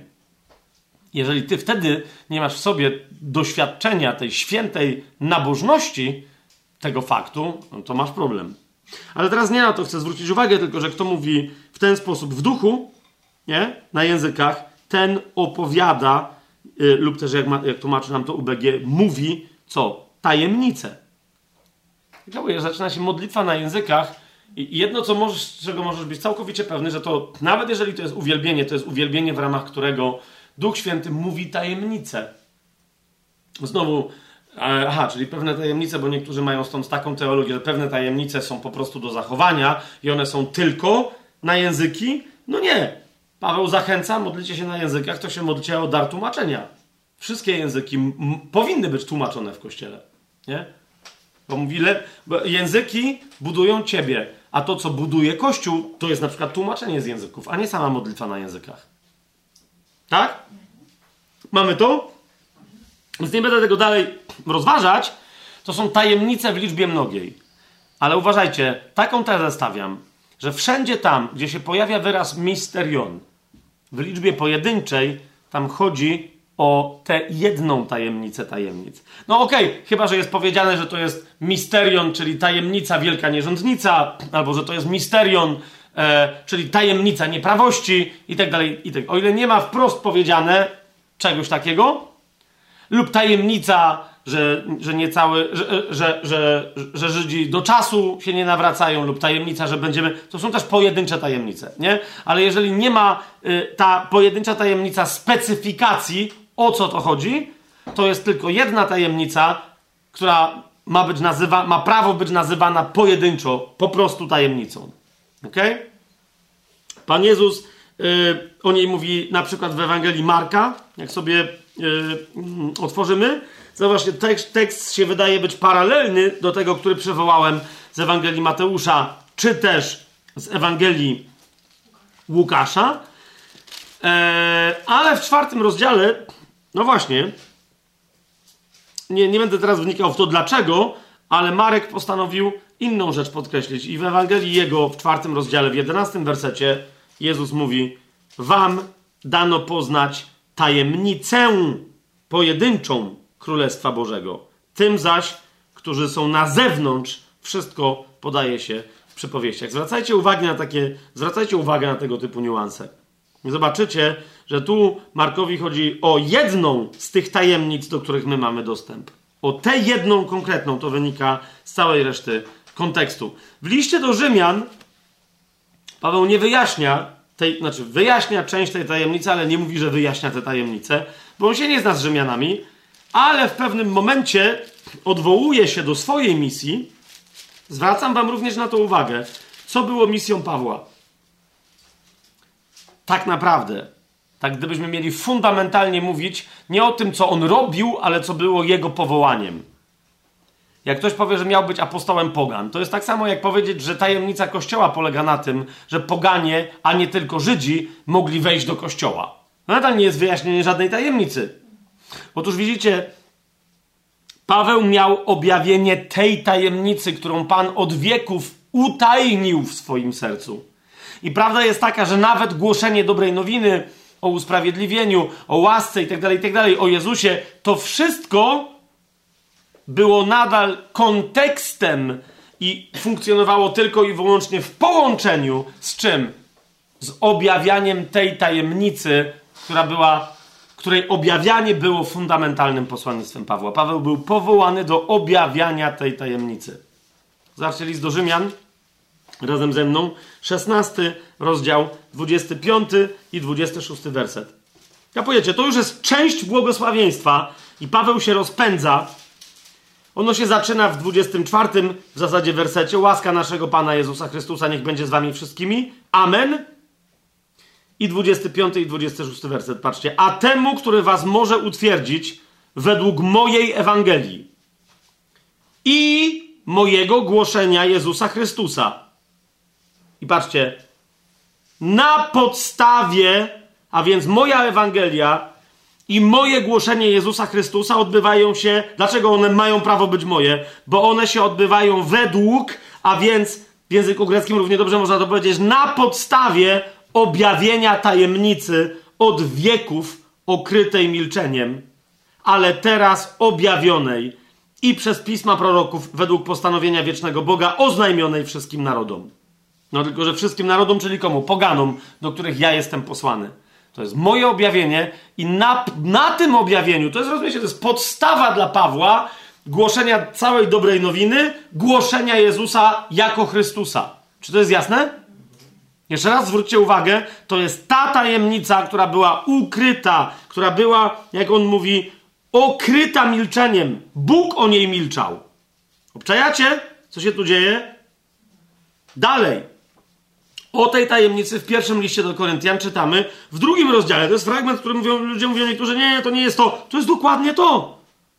Pierwszy do Koryntian, drugi rozdział od siódmego do dziesiątego wersetu. Ale my głosimy mądrość Boga w tajemnicy. Liczba pojedyncza. No czekaj, no to albo głosimy, albo w tajemnicy. On tu dalej do końca drugiego rozdziału wyjaśnia, że ta tajemnica nie jest tajemnicą dla tych, którzy są duchowi, a dla tych, którzy nie są, to nieważne co by powiedzieć, i tak nic nie zrozumieją. Cały list do Efezjan. Jakbym teraz w jednym zdaniu skrócił cały problem, albo ekscytację związaną z listem do Efezjan. Tak? Więc Paweł mówi: głosimy mądrość Boga w tajemnicy, zakrytą, którą przed wiekami Bóg przeznaczył ku naszej chwale. Ja wam tu jeszcze zwracam uwagę na co? Na ten wyraz chwała. To jest tajemnica, która jest związana z naszą przyszłą chwałą.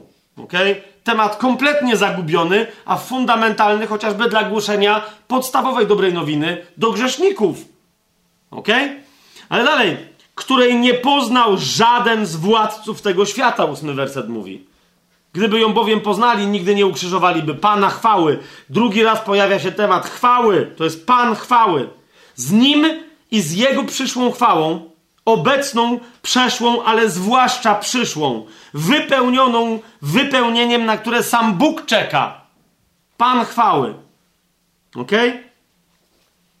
Gdyby o tym wiedzieli, nie ukrzyżowaliby go. No dobra, ale go ukrzyżowali. Dalej. Głosimy, jak jest napisane, czego oko nie widziało. Tajemnica. Ani ucho nie słyszało, ani to nie wstąpiło do serca człowieka. To przygotował Bóg tym, którzy go miłują. Nam zaś Bóg objawił to przez swojego ducha. Nam, czyli komu? Mnie, Pawłowi. A teraz, kiedy ja wam to głoszę, głosiłem i jeszcze głosić będę, nadal objawia to duch. Bo wy nie macie do tego mniejszego dostępu niż ja. On się tylko mną posługuje. Duch bowiem bada wszystko, nawet głębokości Boga samego. Widzicie to? To jest ta tajemnica, a ona w pełni, tak jak nigdzie indziej, jeszcze raz to podkreślę, jest dosłownie przed naszymi oczami ujawniona i nieustannie w duchu ujawniana, kiedy czytamy list do Efezjan ze zrozumieniem. No, skoro o tym mówimy, list do Efezjan, otwórzmy sobie pierwszy rozdział, dziewiąty werset. List, w którym wyraz tajemnica, jak mówiłem wam o tym ostatnio, pojawia się najczęściej w całym Nowym Testamencie. Tak? Nawet w liście do Kolosan tylko cztery razy, chociaż to jest potężna liczba, w liście do Efezjan sześć. Dla niektórych wręcz wystąpienie tego wyrazu, misterion, zaznacza najważniejszą treść tego listu. Dla mnie to jest troszeczkę absurdalne, bo to jest w zasadzie od pierwszego, mówimy o pier od pierwszego do piątego rozdziału. Tu nie do końca tak jest. Ale zobaczcie, e, o czym mówimy, jak nazywa, jak jeszcze nazywa się ta tajemnica. To jest pierwszy rozdział, dziewiąty werset. On nam hojnie okazał, dobra, dobra, oznajmiając nam co? Tajemnicę swojej woli. Tajemnica Boga jest tajemnicą woli Bożej. Oznajmiając nam tajemnicę swojej woli według swojego upodobania, które sam w sobie postanowił. Hmm?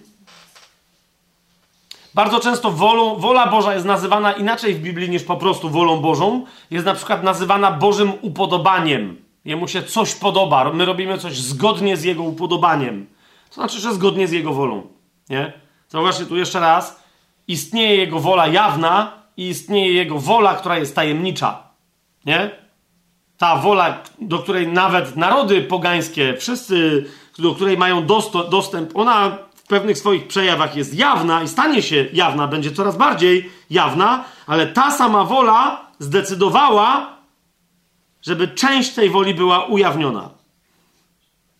A my mamy dostęp do najskrytszych pragnień Bożych. Ta tajemnica, o której my mówimy, jest najbardziej skrytym pragnienia Bożego, pragnieniem Bożego serca. Czujecie, co się tu dzieje? Rozumiesz? Jak ja bym teraz do ciebie, Marcin, powiedział, wyobraź sobie, że ty znasz swoją żonę.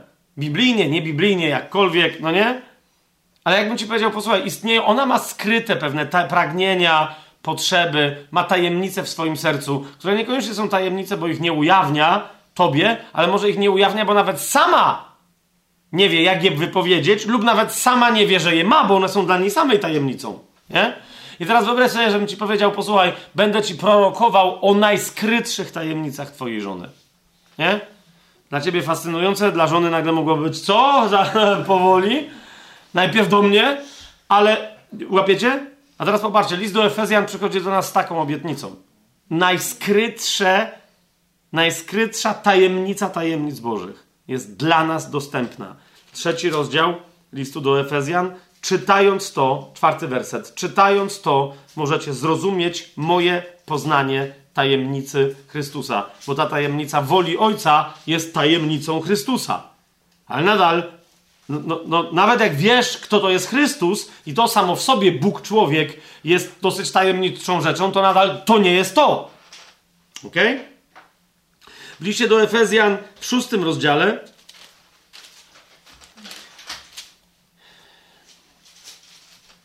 w dziewiętnastym wersecie, no tu jest w zasadzie ostatni raz, e, no, pier, pierwszy raz to jest pierwszy rozdział, dziewiąty werset, ostatni raz ta wyraz tajemnica pojawia się tutaj.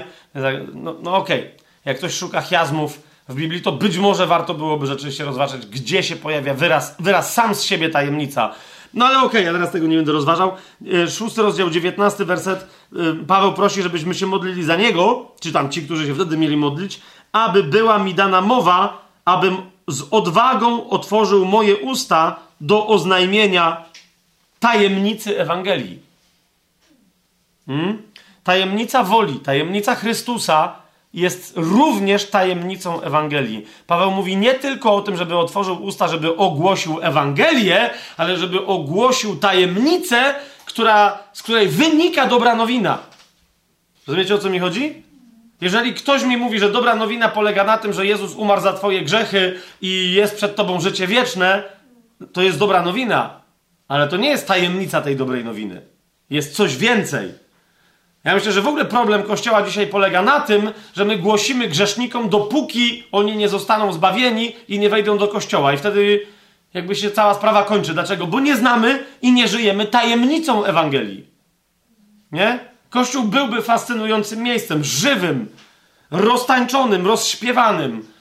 Rozumiecie? Cały czas transformującym siebie i pod, pod wpływem swojej transformacji, transformującym cały świat, gdyby głosił sobie tajemnicę Ewangelii tak, żeby nią żyć, tak jak Paweł głosił Efezjanom. W trzecim rozdziale listu do Efezjan, wróćmy, od 9 do 11 wersetu Paweł tłumaczy właśnie, jaka jest jego fundamentalna misja. Głoszenie do wszystkich narodów Jezusa, dobrej nowiny o usprawiedliwieniu, o zbawieniu, tak. Ale co jest jego fundamentalną misją? Co on potem, jak jest Kościół, to nie ma już co głosić? Tu się dopiero zaczyna właściwa rzecz. Dziewiąty werset. Żebym ujawnił wszystkim, jaka jest wspólnota tej tajemnicy. No której? No, no tej, o której my cały czas mówimy, tajemnicy ukrytej od wieków w Bogu, który wszystko stworzył przez Jezusa Chrystusa. To jest moja misja, abym ujawnił, jeszcze zauważcie, nawet nie abym ujawnił tajemnicę, abym, ale abym ujawnił wspólnotę tej tajemnicy. No, jak już się zna tajemnicę, to się rozumie, dlaczego ta tajemnica ma wspólnotę. I tak naprawdę głoszenie tajemnicy Chrystusa jest głoszeniem wspólnoty tajemnicy tajemnicy Chrystusa, tajemnicy woli Bożej, tajemnicy Ewangelii itd., tak itd., tak bo, bo to jest ta wspólnota, która co, no zaraz o tym będzie. Myślę sobie, czemu nie możemy tu siedzieć 20 godzin, tylko muszę to wszystko skradać, ale po prostu. Dalej, dalej, dalej, dalej, dalej. Po co, Paweł mówi, po co mam ujawniać wszystkim wspólnotę tej tajemnicy? aby teraz, patrzcie na to, wieloraka mądrość Boga, przypomnijcie sobie od Daniela, tak? Aby teraz wieloraka mądrość Boga poprzez Kościół stała się jawna zwierzchnością i władzą na wyżynach niebieskich, albo też w miejscach niebieskich. Co? co? Po to ja to robię, aby Kościół stał się wielkim, ogromnym projektorem filmowym, jakby, żeby wyświetlił te tajemnice najpierw niebu, zanim Ziemia zrozumie. Ale skąd ma to wyświetlać? To jest dobre pytanie. Z nieba czy z ziemi? Mm? Mm? Wiem, że wydaje, zwłaszcza przy liście do Efezjan, od początku jak go rozważamy, dosyć dziwne dźwięki. No ale po prostu, bo albo teraz otworzę tematy, które będą, które nam zajmą 7 godzin, albo muszę zadać, tema, za, zadać pytanie mm? i wtedy albo rozumiesz o co chodzi, albo miej nadzieję, że mi się kiedyś, albo tobie się kiedyś uda do tego, razem uda się nam do czegoś dotrzeć, no nie? Kto, skąd, komu, jak to wyświetla? Jeżeli jest mowa na przykład na końcu listu do Efezjan o walce duchowej, którą toczymy z wysokości niebieskich, nie? To teraz załóż się, co gdybym powiedział, że nasza walka z demonicznymi władzami, zwierzchnościami i tak dalej polega na tym, żeby im wyświetlać prawdę o Kościele.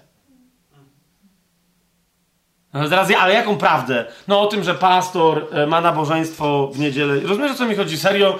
I, i demony siedzą i mówią, uuu, ale, ale boli. Ale boli.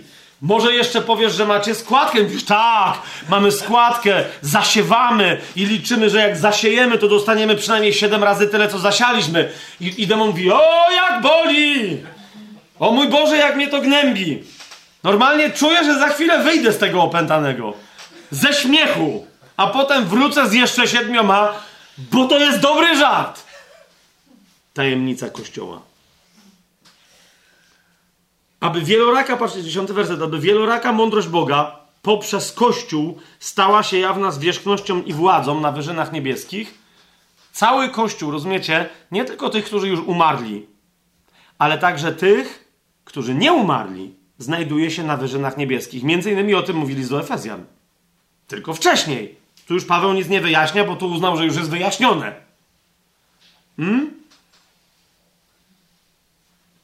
Aby poprzez Kościół wieloraka mądrość Boga stała się jawna zwierzchnością i władzą w miejscach niebiańskich, zgodnie z wiecznym postanowieniem, które tu w domyśle Ojciec powziął w Chrystusie Jezusie, naszym Panu.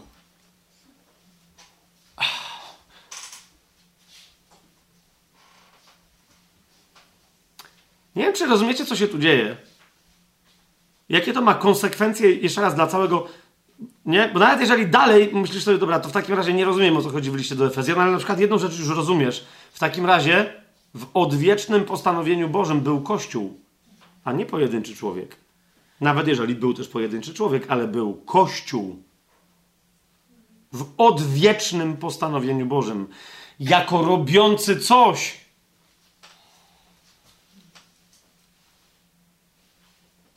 Nie? W liście do Kolosan Paweł e, w pierwszym rozdziale, w 26 wersecie, w liście do Kolosan e, mówi, że ta tajemnica była ukryta od wieków i pokoleń. To jest ta sama tajemnica. 26 werset pierwszego rozdziału listu do Kolosan. Hmm? Swoją drogą zauważcie, że to jest kolejne miejsce, nie jedyne, ale kolejne, gdzie Paweł wyraźnie mówi, co jest jego powołaniem. Nawet nie to, żeby być apostołem narodów i tak dalej, i tak dalej, tylko zobaczcie, on mówi 25 werset, stałem się jego sługą zgodnie z zarządzeniem Boga, danym mi dla was, po co? Abym wypełnił Słowo Boże. Czyli co? Tajemnicę, która była ukryta od wieków i pokoleń. Widzicie to? To jest fundamentalnie rzecz ujmując osobiste powołanie Pawła. Po to miał to objawienie, jak żadne inne, i wszystko inne od tego objawienia, tej tajemnicy u niego zależało. Ale teraz chodzi mi o tą jedną tajemnicę. Paweł jeszcze raz to mówi, że to jest tajemnica, która była ukryta od wieków i pokoleń w Bogu samym, żeby nikt jej nie mógł do niej się do, dostać. Tak? Tajemnica ukryta od wieków i pokoleń, która teraz została objawiona Jego świętym, którym Bóg zechciał oznajmić, jakie jest wśród pogan bogactwo chwały tej tajemnicy. Jeszcze raz. Ta tajemnica, jak, zwróćcie uwagę jeszcze raz na wyraz chwałę. Ta tajemnica jest tym czymś, co ma swoją chwałę i będzie odbierać sobie chwałę. Wow! W liście do Kolosan w drugim rozdziale, w drugim wersecie Paweł mówi o tym, żeby serca wierzących zostały pocieszone, tych, którzy yy, nigdy nie widzieli Jego oblicza w ciele, którzy są w Laodycei, tak? I mówi, aby ich serca były pocieszone, drugi do Kolosan, drugi werset, aby ich serca były pocieszone, będąc zespolone w miłości, a po co? A to ku wszelkiemu bogactwo, bogactwu, zupełnej pewności zrozumienia, ku poznaniu tajemnicy Boga, Ojca i Chrystusa. Widzicie to?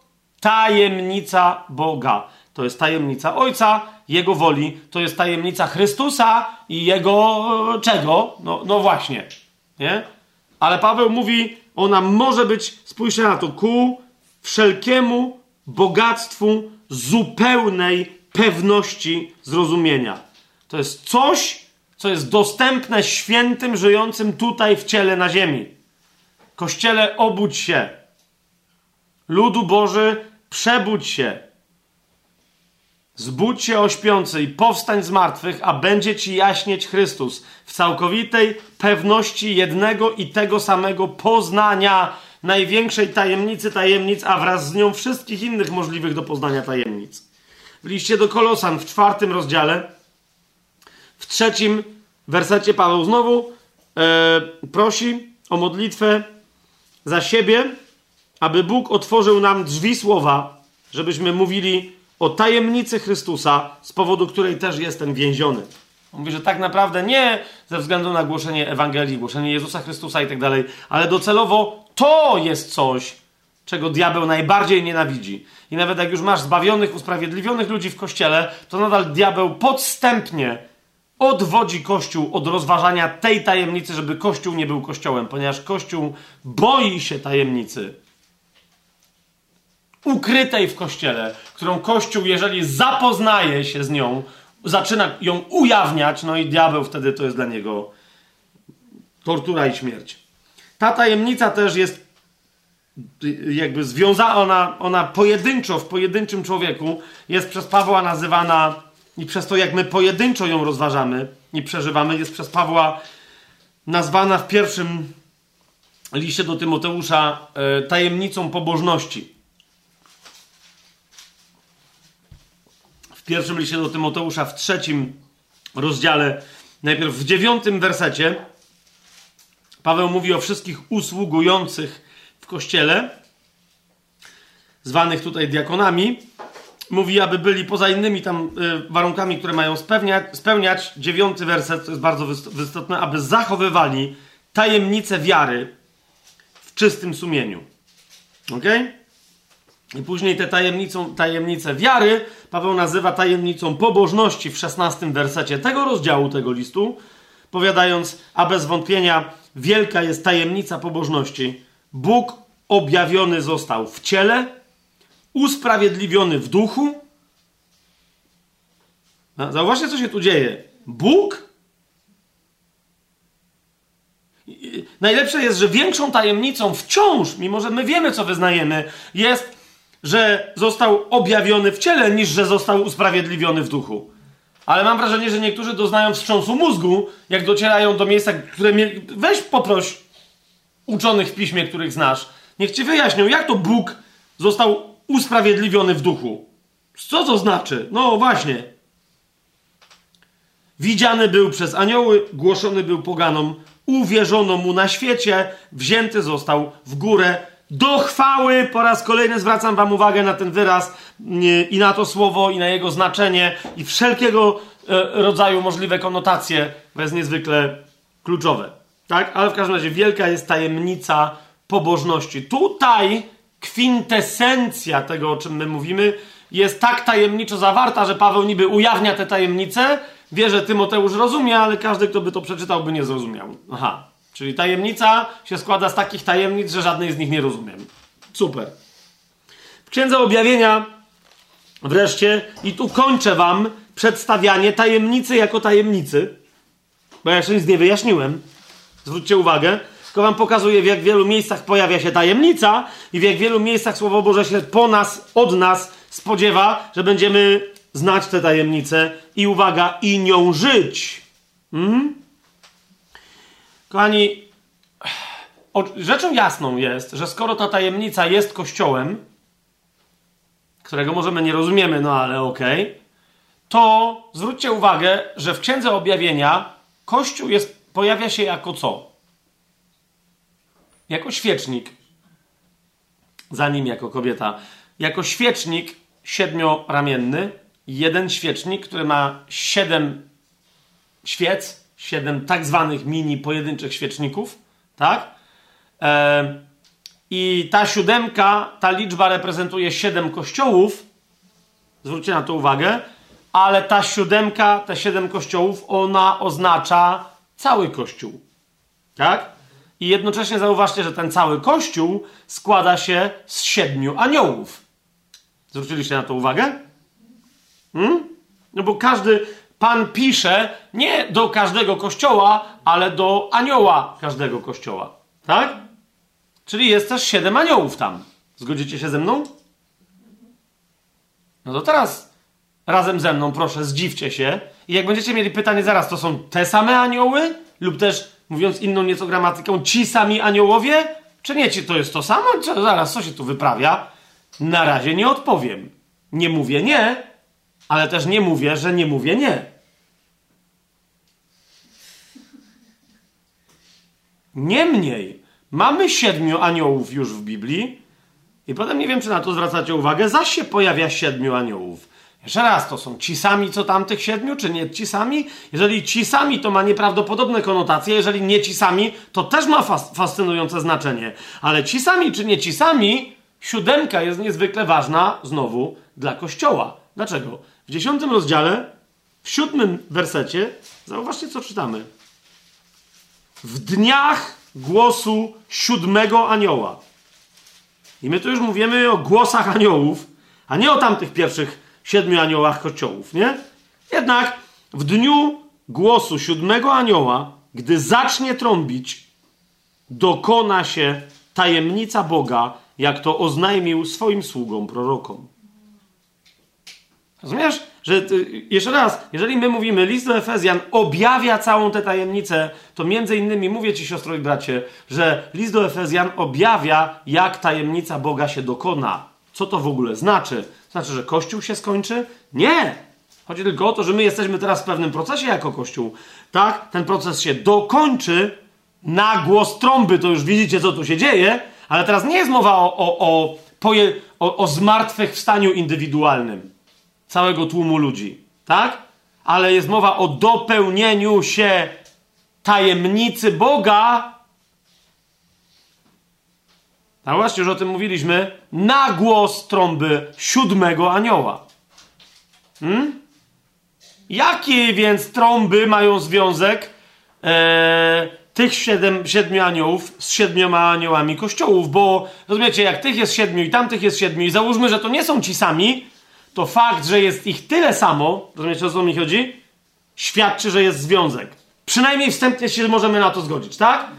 Jeżeli jeszcze ten związek na końcu, wiedząc, że tajemnica Boga jest tajemnicą tego, kim i czym jest Kościół dla Niego.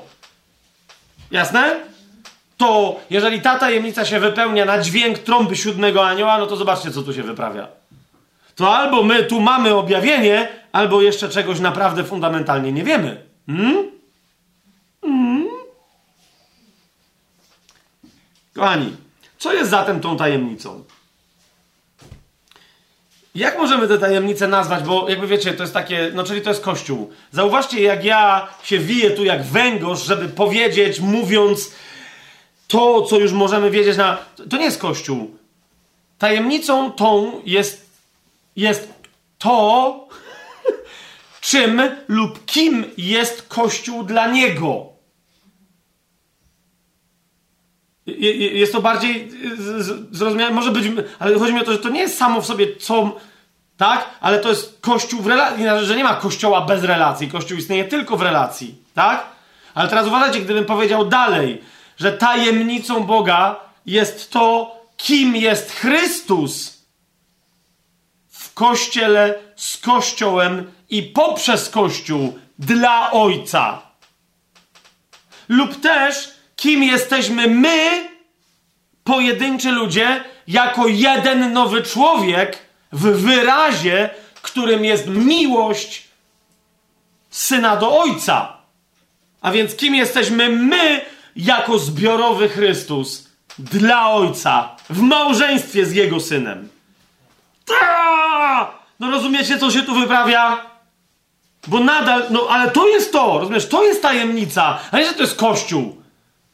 Bo niektórzy nawet mają po prostu wyobrażenie budynku z krzyżem na górze, czy z kogutem, z dzwonkiem, wiesz o co mi chodzi, no nie? Aha, to jest ta tajemnica. Możesz sobie wyobrazić księdza, pastora, nieważne, nie? Nieważne. To, to wszystko, co my, tam się narzuca, kiedy mówimy Kościół. Co jest zatem tą tajemnicą? Kościół. Mm.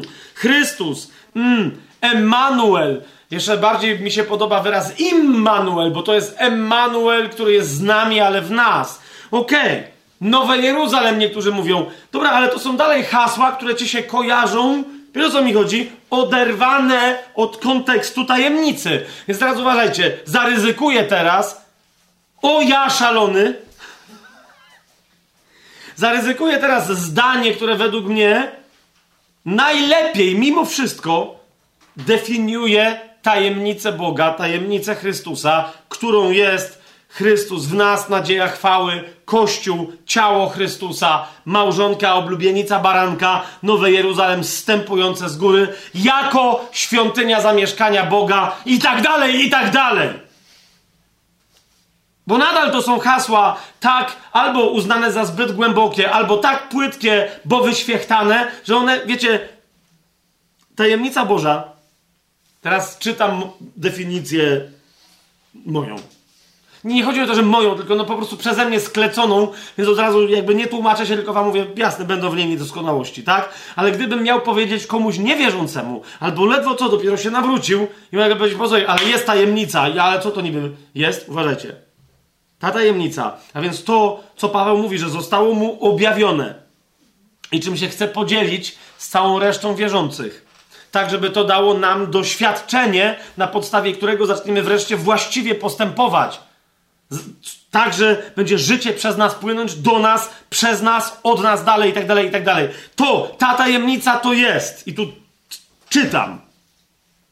Ostateczne przeznaczenie ludzkości, do którego Bóg nas sobie wybrał i od którego nigdy nie odstąpił, niezależnie i nawiasem mówiąc, i nie odstąpi, teraz bym dopisał, ale nie napisałem, od którego nigdy nie odstąpił i nie odstąpi, niezależnie od naszego zachowania łamane przez postępowanie. Postępowania. Mam to powtórzyć? Powtórzę. Ja wiem, że lepiej jest to definiować przy pomocy języka biblijnego, ale to nie, nie wiem, czy widzicie, jest znacznie bardziej zrozumiałe. Nawet jak nie jest, to przynajmniej widzimy, w którą stronę będziemy zmierzać w wyjaśnieniu tej tajemnicy za Pawłem. Jeszcze raz, tajemnica Boga, tajemnica Chrystusa, tajemnica Ewangelii, tajemnica woli Ojca i tak dalej, i tak dalej, to jest co? To jest tajemnica naszego ostatecznego przeznaczenia. Ale teraz uważajcie, nie naszego, bo nadal my jako biali ludzie, zwłaszcza myślimy bardzo indywidualistycznie. Więc dlatego jeszcze raz, moja definicja tutaj brzmi, to jest ostateczne przeznaczenie ludzkości. To jest ostateczne przeznaczenie ludzkości. Do którego Bóg nas sobie wybrał. I zaraz będziemy więcej o tym mówić to jest po pierwsze. Po drugie, i od którego to przeznaczenia, które on w sobie zdecydował, to była jego wola, nigdy nie odstąpił, niezależnie i nie odstąpi. Niech będzie, nie odstąpił i nie odstąpi, niezależnie od tego, jak się zachowywaliśmy, jak się zachowujemy i jak się jeszcze możemy jako ludzkość zachowywać. Ma to sens, co, co mówię? Hmm? Jest niezmienne. Niezmienne postanowienie Boże, tajemnica Jego woli. Ok? I teraz, jak się zaczynamy temu, jak już widzimy, jaką wagę ma ta tajemnica, o czym my tu mówimy, co tu się wyprawia, i teraz powiedziałem, że tutaj chodzi o ostateczne przeznaczenie ludzkości. Ok? To teraz, kochani, musimy sobie powiedzieć, to co to za przeznaczenie?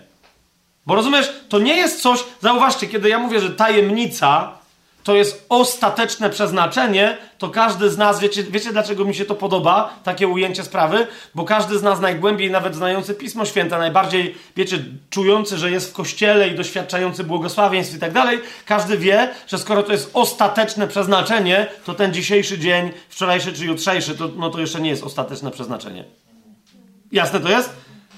I dopiero ta perspektywa nas właściwie ustawia. Bo zauważcie, jednym z tytułów tej tajemnicy jest, że tą tajemnicą jest Chrystus w nas, nadzieja chwały.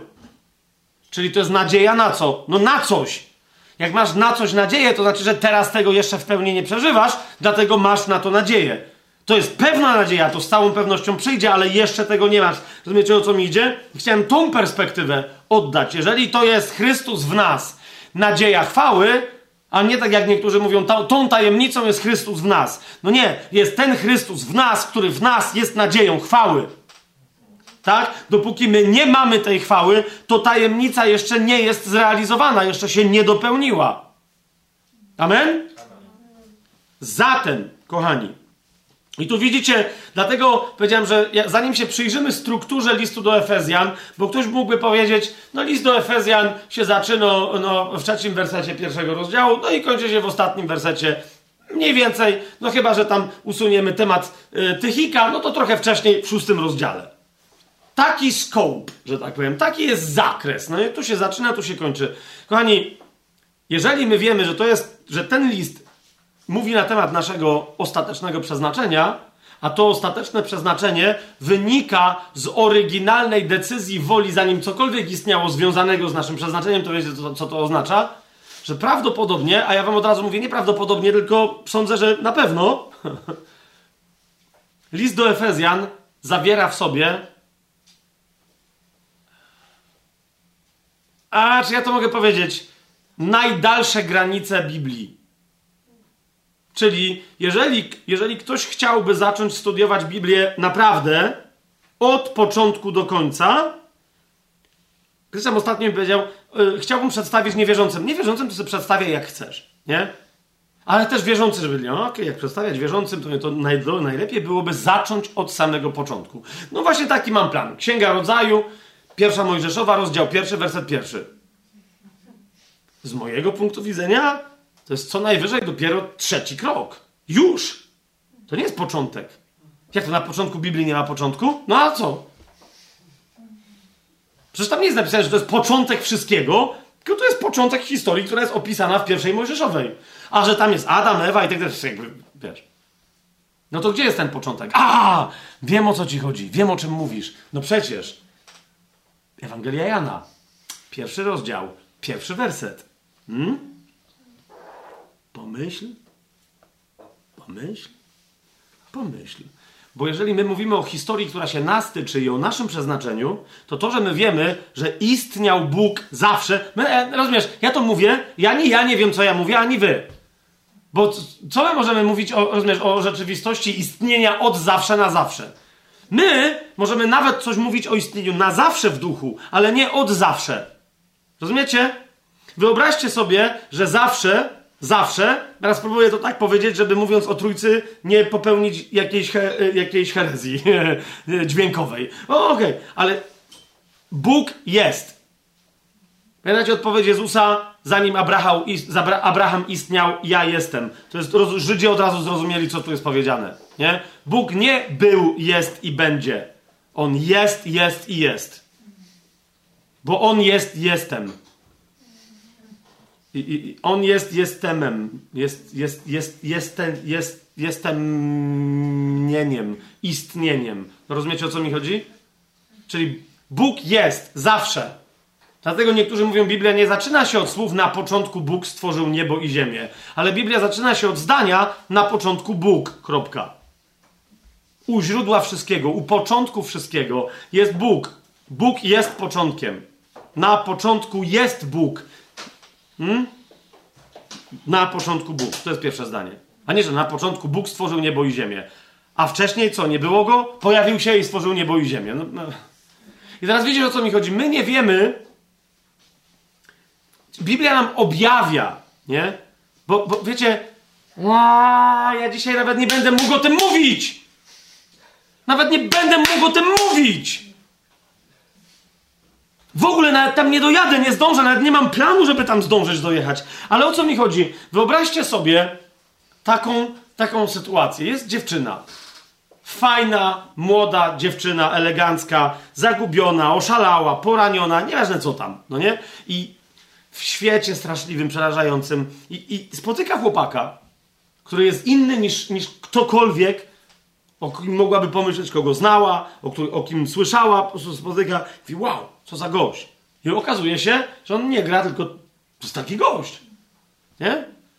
I teraz on jej mówi, posłuchaj, muszę wszystko przygotować, ona się w nim zakochała, on w niej, mówi, jesteś jedyna na świecie, nie ma nikogo innego. Ok, mówi, słuchaj, muszę e, wrócić do, do domu, tam wszystkich, przy, wszystko przygotuję i po prostu, ale koniec, zaraz po ciebie przychodzę, no nie? I potem wraca i mówi, ok, jedziemy. Jest ona nic nie wie, ona tylko wie, że będzie elegancko, nie? Ponieważ wie, że jego ojciec jest absolutnie najpotężniejszym chłopem na całym świecie. Nie? Już się dowiedziała, jak już byli posłowie, bo wcześniej nie wiedziała, bo jakby wiedziała, to znowu on by nie wiedział, na co ona poleciała. No wiecie, o co mi chodzi. No nie? Czeren Kierkegaard, tak swoją drogą, na pytanie, dlaczego Bóg jest taki ukryty, dlaczego jest taki jakiś, nie, czemu się nie może po prostu wziąć, ludziom pojawić i tak dalej, jego odpowiedź filozofa hmm, była głęboka. To jest dokładnie to, co ja teraz nie, za, nie zażartowałem, po prostu trochę zacytowałem, trawestując dokładnie Serena Kierkegaarda, który powiedział, gdyby Bóg objawił się w całej pełni swojej chwały, mocy, możliwości i tak dalej, to kto by go pokochał? Wszyscy by byli Jego. No ale wiecie, o co mi chodzi? A to, czego On szuka, to jest miłość i dlatego On się musi pojawić tak, żebyśmy my Go pokochali dla Niego samego, a nie dla Jego atrybutów. Genialna myśl. Absolutnie genialna. Nie? No więc i teraz ten chłopak bierze, rozumiecie, i teraz przy, przyjeżdża, przyjeżdżają do domu, jest to absolutnie genialna impreza, ale wszyscy, którzy są na tej imprezie, kto by to nie był, tłumy ludzi. Rozumiecie, poubierani, dwór, e, potężny zamek, pałac, królestwo, kapujecie? Kto by to nie był, ale jest jedną rzeczą jasną, że ta królewska rodzina składa się z ojca, tak? Mama gdzieś była, umarła, nie, nie wiadomo o co chodzi, tak? I teraz ten ojciec ma dwójkę dzieci, to jest ten syn, który sobie przywiózł dziewczynę i ten syn ma jeszcze siostrę. Nie? I teraz wszyscy się cieszą, wszyscy świętują, ale teraz uważajcie, ta szmaciara, prze, prześliczna, elegancka, ładna, dobrze ubrana i tak dalej, ale wszyscy wiedzą, że no, ale to ona nie jest szlachetnie urodzona. Po czym król patrzy na wszystkich i mówi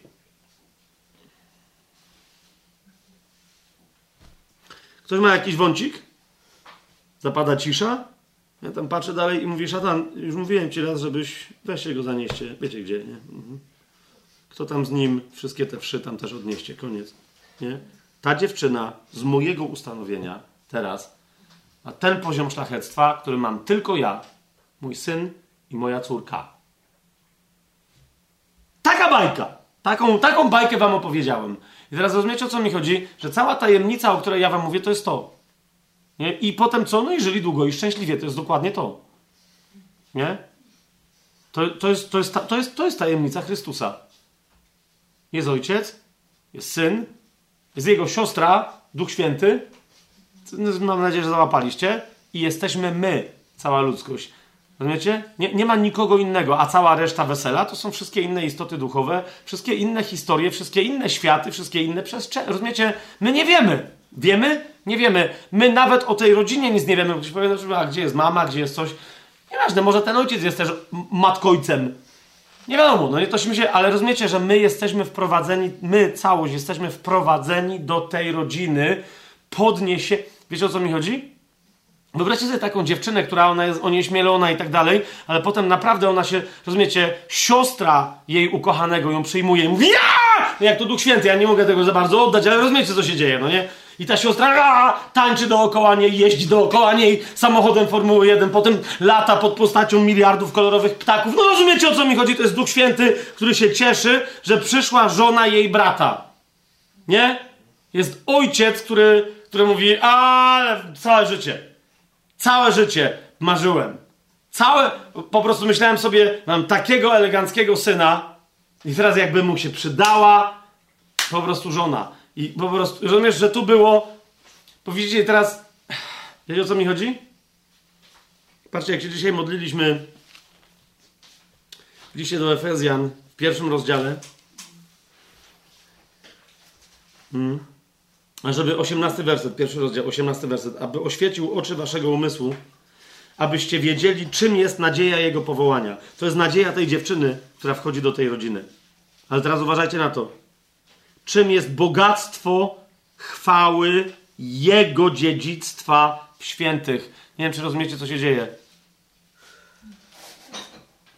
Bóg coś odziedziczył i jeszcze ty tego nie dostał rozumiesz, Bóg we własnej osobie i wiesz, gdzie jest to dziedzictwo? W nas.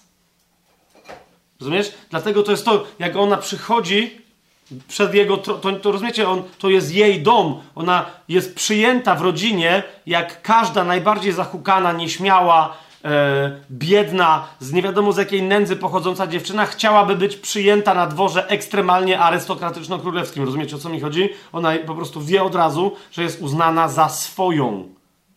Przez kogo? Przez Boga w Trójcy Świętej jedynego. Na zawsze. I od tej pory żyli długo i szczęśliwie. Ale teraz co wam chcę pokazać? To jest cała reszta. My nadal, nawet jak tam wejdziemy, dlaczego to będzie nieustająca przygoda? Bo kapujecie, no wyobraźcie sobie, no już taka dziewczyna jest przyjęta, nie? I ona potem idzie do tej siostry i mówi, ej, a ona mówi, wiesz co, ja nie... Ja, ja wiele wie, no, chodźmy do ojca, no nie? I więc idą do ojca, no to ta idzie też z mężem, siada cała czwórka i ta oblubienica, no nie żona pan, te, tego swojego, nie? Ona się mówi, mówi tato, mówi, no bo już możemy mówić tato. Widzicie to? Mówi tato, to, mówi, ale to jak to, to skąd wyście się wzięli w ogóle, nie? A on jej mówi, myśmy zawsze istnieli. Ale ja ich urodziłem. Eee, Czyli kiedy? No, nigdy. Znaczy, zawsze. Znaczy, ja, jest, ja jestem tą rodziną od razu. Od zawsze. Ja nigdy nie istniałem jeden, bo znaczy jestem cały czas, no widzisz, że jestem jeden, razem z tobą nawet. I ona mówi, no ale, no, no tak, ale ja się wzięłam ze stworzenia i on mówi, no, no tak, no więc ty nie istniałaś zawsze. Istniejesz teraz z nami na zawsze. Ale ja istniejemy zawsze. Tyle tylko, że ja jestem większy niż oni, bo ja ich urodziłem. To mamy relację pewną. Ale kiedy? No, no nie kiedy, bo ja zawsze taki byłem. Ja, ja ich zawsze urodzonych już miałem. Bo inaczej, gdybym ich nie miał urodzonych, to ja bym nie był. A to jest niemożliwe, bo ja jestem. No dobra, widzicie, co się dzieje? Mówię, mamy bardzo ekscytujące rozmowy przed nami przez wieczność. I próby zrozumienia, jako nieistniejący od zawsze, jak to było od zawsze. Rozumiecie, o co chodzi? Dobra, ale teraz kochani, więc dlatego jak mówię początek wszystkiego, to ja nie mówię o początku wszystkiego, wiecie, jakby o początku Boga, bo no, początek wszystkiego stworzonego, o to mi chodzi. Początek Boga nie jest, to jest w ogóle koncepcja idiotyczna, bo jak może mieć początek coś, ktoś, no, kto, kto, kto z definicji nie ma początku ani końca. Tak?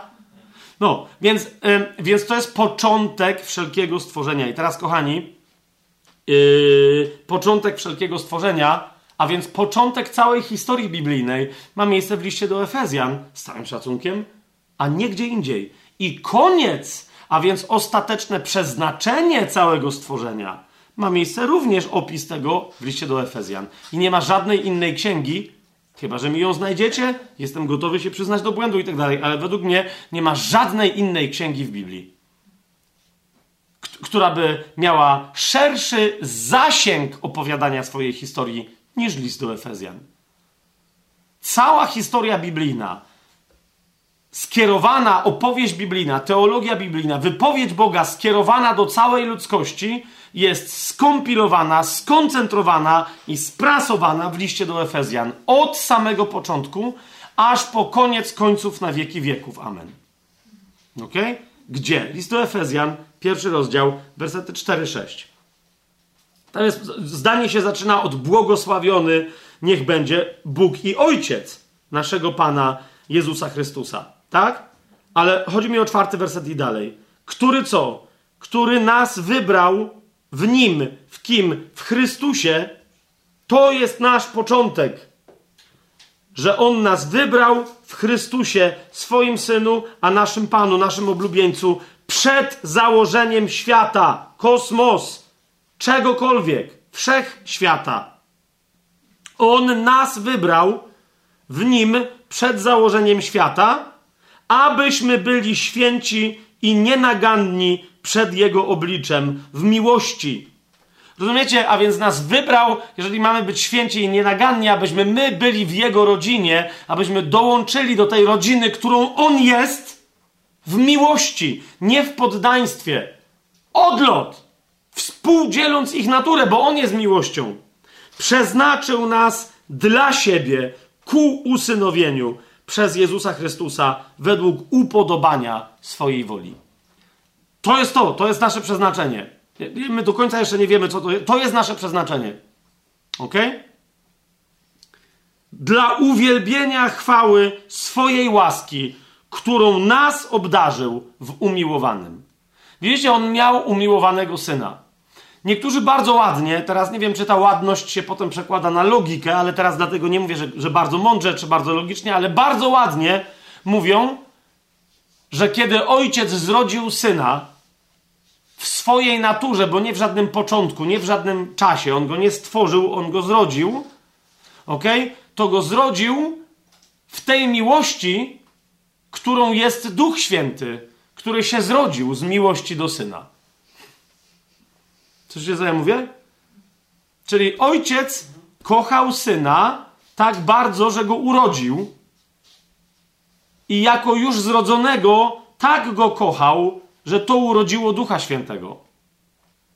Który jednocześnie jest tą miłością, która zrodziła syna, więc dlatego jakby, wydaje mi się to, nie wiem na ile tam jest logika hmm, zachowana, ale, ale piękno tego, co znaczy, że Bóg jest miłością. To jest ojciec, który tak kocha syna, że jest to Duch Święty.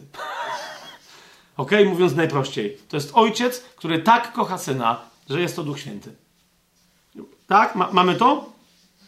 I teraz uważajcie, w tym umiłowaniu ojca przez syna, którym to umiłowaniem jest Duch Święty, ojciec popatrzył na syna i powiedział: Nie fajnie byłoby mieć żonę? A w każdym razie, no nie żonę, bo to jest w ogóle to jest wtórny koncept do tego, nie, ale mówi, jak cudownie się kochać jest, nie? Być, tak się kochać, że być miłością, która się kocha. Może byśmy jeszcze się z tym podzielili. Tym, kim jesteśmy, z czymś innym. No i syn mówi, no ale no jak tylko ja jestem, czyli ty, czyli my.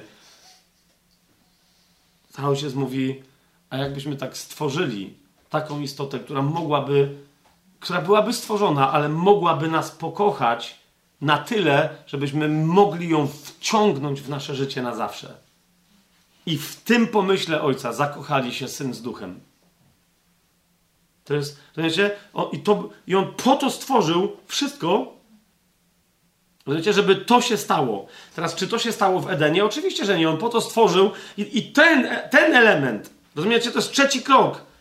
Pierwszy krok to jest to postanowienie woli ojca, którym on się, rozumiecie, e, podzielił z, z, z całym sobą, jako z rodziną. Decyzja na tę wolę. Nie? W, w, w, w kim? ale to była decyzja w tobie, synu. W tobie. w moim umiłowanym. Zobaczcie, jakie są ostatnie słowa Jezusa wypowiedziane na ziemi, kiedy jeszcze nie zaczął ostatecznie cierpieć. To jest 17 rozdział Ewangelii Jana. I w tym 17 rozdziale, w 24 wersecie, więc to jest prawie koniec e, modlitwy arcykapłańskiej Jezusa, Jezus mówi: Ojcze, chcę, aby ci, których mi dałeś, byli ze mną. Tam, gdzie ja jestem. Nie gdzie ja byłem, nie gdzie ja będę. Wiecie o co mi chodzi? Tam, gdzie ja jestem jako Bóg, jako Twój wieczny, boski syn, odwieczny i, i na zawieczny. Ojcze, chcę, aby ci, których mi dałeś, byli ze mną, tam, gdzie ja jestem, aby oglądali moją chwałę, którą mi dałeś, ponieważ umiłowałeś mnie przed założeniem świata. Widzicie to, co Jezus mówi? Ja zostałem umiłowany przed założeniem świata. I teraz, kochani, wróćmy do listu do Efezjan. może niektórymi z nas to wstrząśnie. Kiedy Jezus został umiłowany? Kiedy sam powiedział, że został umiłowany? Przed założeniem świata. Zdecydował, nie, nie, nie przed początkami wszelkich, tylko przed założeniem świata. Zauważcie, i teraz patrzcie, pierwszy rozdział listu do Efezjan. Jak nas wybrał w nim przed założeniem świata.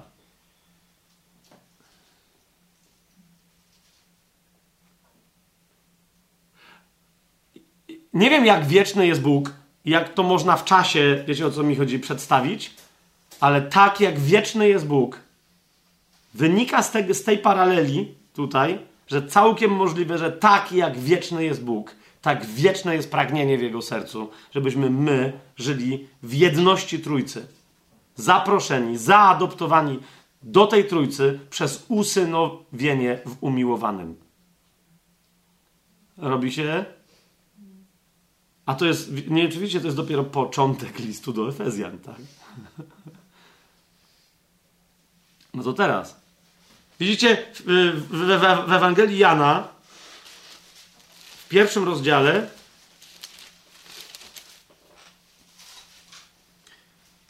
mamy rzeczywiście powiedziane, na początku było słowo, w pierwszym wersecie. A słowo było u Boga i Bogiem było słowo. I tu niektórzy mówią, no i to jest wieczność, to jest coś, tam my do tego nie mamy dostępu. Ono było na początku u Boga. Wszystko przez nie się stało, a bez niego nic się nie stało, co się stało. Niektórzy tak sobie wyobrażają, że przez jakiś absolutny bezczas, nieprawdopodobnie długo trwający, nieskończenie długo trwający czas, istniał sobie Bóg Ojciec, Bóg Syn, Bóg Duch Święty i w pewnym momencie się skapnęli, ej, a może by tak człowiek. Nie? Może by tak człowiek. Zauważcie, że nie ma takiej mowy o aniołach. Nie wiem, czy zauważyliście. Nie? Więc nieważne, kiedy my byliśmy stworzeni, o to właśnie mi chodzi. Nie? Bo kiedy Jezus mówi o tym, jak On jest odwiecznie umiłowany, wybiera to samo sformułowanie, na początku było słowo. Teraz moje pytanie brzmi, nie będziemy tego dowodzić, bo jeszcze raz, to nie jest nasza historia, tak? Ale na początku było słowo. Kiedy? No przed wszystkim, co mogło być choćby założeniem świata. Tak? I Jezus mówi, przed założeniem świata ojciec mnie umiłował. A Duch Święty potem dodaje, dokładnie tak samo jak was pomyślał, że chce. Hmm?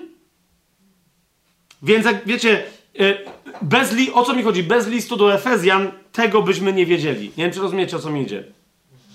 Bez listu do Efezjan. Z samej Ewangelii Jana byśmy tego nie wywnioskowali. Dopiero list do Efezjan nam poszerza tę nieprawdopodobną skalę. Ok? Zobaczcie list do Efezjan, wróćmy tam. E, trzeci rozdział, dziewiąty werset. Ok? A żebym ujawnił wszystkim, jaka jest wspólnota tej tajemnicy ukrytej od wieków w Bogu. Jaka jest wspólnota tej tajemnicy? Właśnie ją wam przedstawiłem. Nie? To jest ta dziewczyna, która poślubia syna, który okazuje się być Bogiem we własnej osobie. Nie? Który to w dodatku jest jedną z osób, będąc Bogiem, stanowiących Boga Trójcę Świętą, rodzinę, który jest miłością. Hmm? To jest wspólnota tej tajemnicy. To jest tajemnica woli Bożej, a to jest wspólnota tej tajemnicy. To rozumiesz, to nie jest nasza wspólnota jako Kościoła. To nie jest wspólnota nas jako Kościoła z Jezusem. jako z głową ciała Chrystusa z jego głową, tak? To nie jest nasza wspólnota gody baranka, nasza z nim. Rozumiesz, to jest nasze włączenie. I teraz jeszcze, żeby było najlepsze, wiecie o co chodzi? To jest trochę tak, jakby, no wiecie, są trzy osoby, siedzą przy stole, nie? Rozumiecie, ja to sobie tak wyobrażam, że kiedy Kościół będzie wprowadzony na gody baranka, nie? Baranek przedstawi swoją oblubienicę ojcu i duchowi, i my będziemy stali w samym środku trójcy. Zobaczcie to. To jest wspólnota tej tajemnicy. Ja teraz tylko obrazami mówię, bo o czym mogę mówić, ale o tym jest list do Efezjan. To jest wspólnota tej tajemnicy. Kościół stojący, rozumiecie, i, i, i w samym środku, na którym jest skoncentrowany Ojciec, oblubieniec, Syn i Ducha Święty, Duch Święty. Siostra. Widzicie to? I, I tak już będzie na zawsze. Jak jeszcze do tego dołożymy jedną rzecz, mianowicie, że tak będzie na zawsze, czyli my będziemy stać w środku trójcy, ale jednocześnie trójca będzie w samym środku nas, jako kościoła, no to to jest dokładnie, rozumiecie? Ale o tym za chwilę. Otóż, kochani, to jest właściwy, więc tu macie początek, a koniec, tak? Bo oryginalny Boży plan był jaki? Wspólnota z człowiekiem przez Chrystusa, z Chrystusem i w Chrystusie, wszech obejmująca i wszech zawierająca. Taka wspólnota. Co to znaczy? Bóg, który kompletnie chce nas obejmować i w sobie zawierać, ale jednocześnie, który nam się da kompletnie objąć i zawrzeć.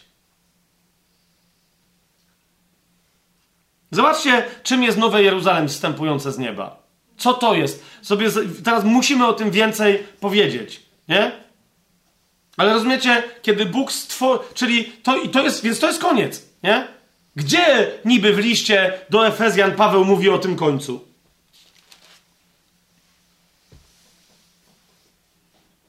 Trzydziesty pierwszy i trzydziesty drugi werset piątego rozdziału. Nie ma nic dalej, kochani.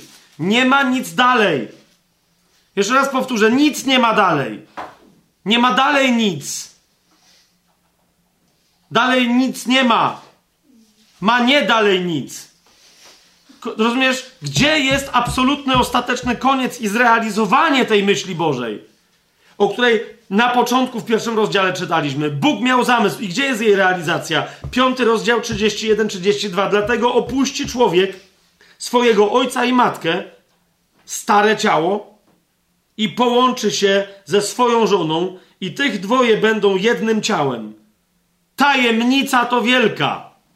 Kolejny raz pojawia się pojedynczy wyraz tajemnica. Tajemnica to wielka. Kolejny raz pojawia się w liście do Efezjan. Tajemnica to wielka, a ja wam mówię w odniesieniu do Chrystusa i Kościoła. Hmm? To jest koniec. Ktoś mi powie, nie, nie, nie, e, po godach baranka jest jeszcze nowa ziemia i nowe niebo i nowe Jeruzalem.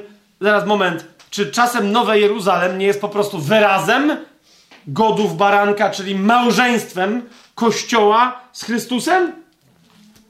No, żeby y, tam za bardzo, bo teraz to nie jest moment, żeby to poruszać, ale zobaczcie, sam koniec końców, 21 rozdział. Tak? Drugi werset i trzeci werset, a ja Jan, drugi werset, a ja Jan zobaczyłem święte miasto, nowe Jerusalem wstępujące z nieba od Boga, przygotowane jako oblubienica, przeozdobiona dla swojego męża. I usłyszałem donośny głos z nieba, to jest przybytek Boga z ludźmi i będzie z nimi mieszkał oni będą Jego ludem, a sam Bóg będzie z nimi i będzie ich Bogiem. Nowe Jerusalem jest fizycznym wyrazem i duchowym wyrazem i wszelkim innym możliwym wyrazem związku małżeńskiego Chrystusa, baranka z Kościołem, a więc włączenia ludu Bożego w rodzinę, która się nazywa Trójca Święta. Amen? Rozumiecie?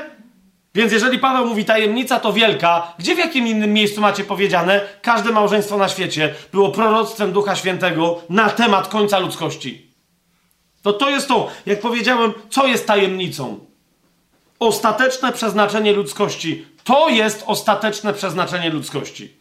To jest ostateczne przeznaczenie ludzkości. W momencie, kiedy Bóg stworzył człowieka, kochani, to nie na ziemi, w Edenie, Adama i Ewę, to nie był koniec wszystkiego. Rozumiecie, że dalej był plan, żeby stąpił Chrystus, nawet gdyby ludzkość się składała tylko z Adama i z Ewy. Tak, no chociaż yy, trochę by ich Bóg popędził, bo im powiedział rozmnażaj, bądźcie płodni i rozmnażajcie się. Ale nawet gdyby tylko z nich, rozumiecie, to oni, cała ludzkość, gdyby nie zgrzeszyli i nie mieli dzieci, staliby się oblubienicą baranka. Baranek i tak stałby się człowiekiem. I uważajcie, teraz wiem, że to jest dziwne, co teraz powiem. Nie w kontekście grzechu dałby się im zabić. Dałby im przelać swoją krew, aby doprowadzić ich do nowego zmartwychwstania. Nie będę dzisiaj teraz o tym w ogóle dalej mówił. Rozumiecie? Dlaczego? Bo Bóg nie zakładał, że ludzkość zgrzeszy. Zakładał czy nie zakładał? Jeszcze raz, zakładał czy nie zakładał? Bo to by było trochę, no rozumiecie, mamy chore wyobrażenie o Bogu, gdybyśmy my zakładali, że Bóg nas stworzył i wiedział, że zgrzeszymy i przewidział, więc Bóg nie przewidywał, że my zgrzeszymy. Gdyby ludzkość nie zgrzeszyła, Adam i Ewa mieliby yy, Abla, Kaina, Seta i tak dalej, i tak dalej. Rozumiecie, byłyby miliardy ludzi, nikt by nie zgrzeszył. Czy baranek by przyszedł? Przyszedłby. Czy by przyszedł? Otwórzcie sobie pierwszy Piotra, żebyście dobrze zrozumieli, o czym ja teraz gadam. Czy by baranek przyszedł, czy nie, żeby dopełnić stworzenie, aby w sobie stworzyć nowego Adama? Oczywiście, żeby przyszedł. Czy to musiałoby oznaczać śmierć? Tak, ponieważ musiała być przełamana zasada życia z krwi. Ok? Życia, które jest zawarte w pojemniku zwanym ciałem. My przechodzimy na nową zasadę życia. O tym mówiłem przy okazji nowego stworzenia, tak? Więc gdybyśmy nie zgrzeszyli, nadal Chrystus by przyszedł. Taki był plan. Że zgrzeszyliśmy, to plan się trochę, wiecie, nam zachwiał, ale w Bogu nic się nie zmieniło. Więc Chrystus przyszedł, naprawił wszystko, żeby wrócić do realizacji planu. Jeszcze raz, ostateczne przeznaczenie ludzkości, do którego Bóg nas sobie wybrał, i od którego to nigdy nie odstąpił i nie odstąpi, niezależnie od tego, co zrobiliśmy, robimy i jeszcze zrobimy. Tak? Zobaczcie, my jesteśmy wykupieni. Pierwszy list Piotra, pierwszy rozdział, dziewiętnasty werset mówi: drogą krwią Chrystusa, jako baranka niewinnego i niepokalanego, przeznaczonego do tego przed założeniem świata. Macie kolejny raz to samo sformułowanie. Kiedy on nas wybrał? Przed założeniem świata. Do czego? To już wiemy. Kiedy on umiłował swojego umiłowanego przed założeniem świata. Kiedy on został przeznaczony jako baranek, aby nas wykupić Ojcu na wieki swoją drogocenną krwią przed założeniem świata. Przeznaczonego do tego przed założeniem świata, a objawionego w czasach ostatecznych ze względu na Was. Na Was. Amen? Zatem, kochani, Yy, świadomość tego je, mamy, znajdujemy już w Starym Przymierzu. Zobaczcie, otwórzcie razem ze mną Psalm ósmy. Psalm ósmy.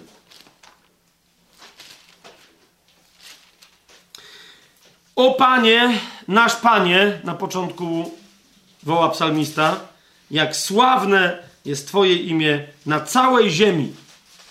A zatem mamy temat ziemi. Bardzo istotny tutaj. Dlaczego? Ponieważ ludzkość jest nieodzownie związana z Ziemią. Ludzkość to jest nazwa, którą ja się teraz posługuję, ale ludzkość to jest Adam, a Adam to jest ktoś, kto pochodzi z Ziemi i do kogo Ziemia należy.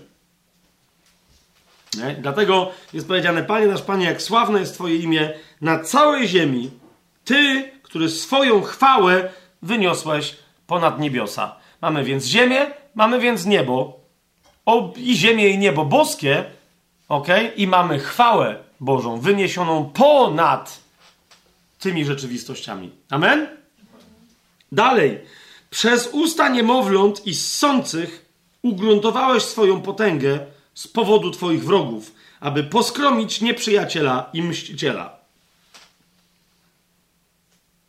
Psalm, który ja wielokrotnie słyszałem w kościołach różnych, począwszy od katolickiego, skończywszy na najbardziej odjechanych, słyszałem w różnych wersjach śpiewany i albo ten werset był omijany, albo był śpiewany, no ale to może lepiej byłoby go ominąć, bo po co śpiewać rzeczy, których się nie rozumie, co się śpiewa, nie?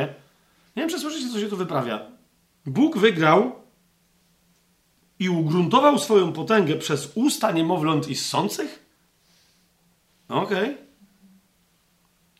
Jak chcecie sprawdzić, co się tu dzieje i przy okazji odbyć fascynującą, jak w Luna Parku najlepszym, rollercoasterową jazdę bez trzymanki z genialnymi przygodami w Słowie Bożym, to porówna, po, po, tu zaczynając, albo zaczynając, tu zaczynając, hmm? w połączeniu ze sformułowaniem, że my mamy składać Bogu ofiarę chwały. To jest owoc warg, które wyznają Jego imię. O Panie nasz Panie, jak sławne jest Twoje imię. Swoją chwałę wyniosłeś ponad niebiosa. Przez usta niemowląt i ssących ugruntowałeś swoją potęgę. To, jak sobie połączycie słowa, zobaczycie, co się tu wyprawia. Wow, wow, wow. Tu jest mowa o Kościele, tu jest mowa o nas. Nie? Ale idziemy dalej. Bo gdzie by tam Dawid wiedział, że tu jest mowa o jakimś Kościele? Kiedy przypatruje się Twoim niebiosom, dziełu Twoich palców, księżycowi i gwiazdom, które utwierdziłeś, zadaję sobie pytanie, czymże jest człowiek, że aż tak o nim pamiętasz? Albo kim syn człowieczy, Adam, że troszczysz się o niego?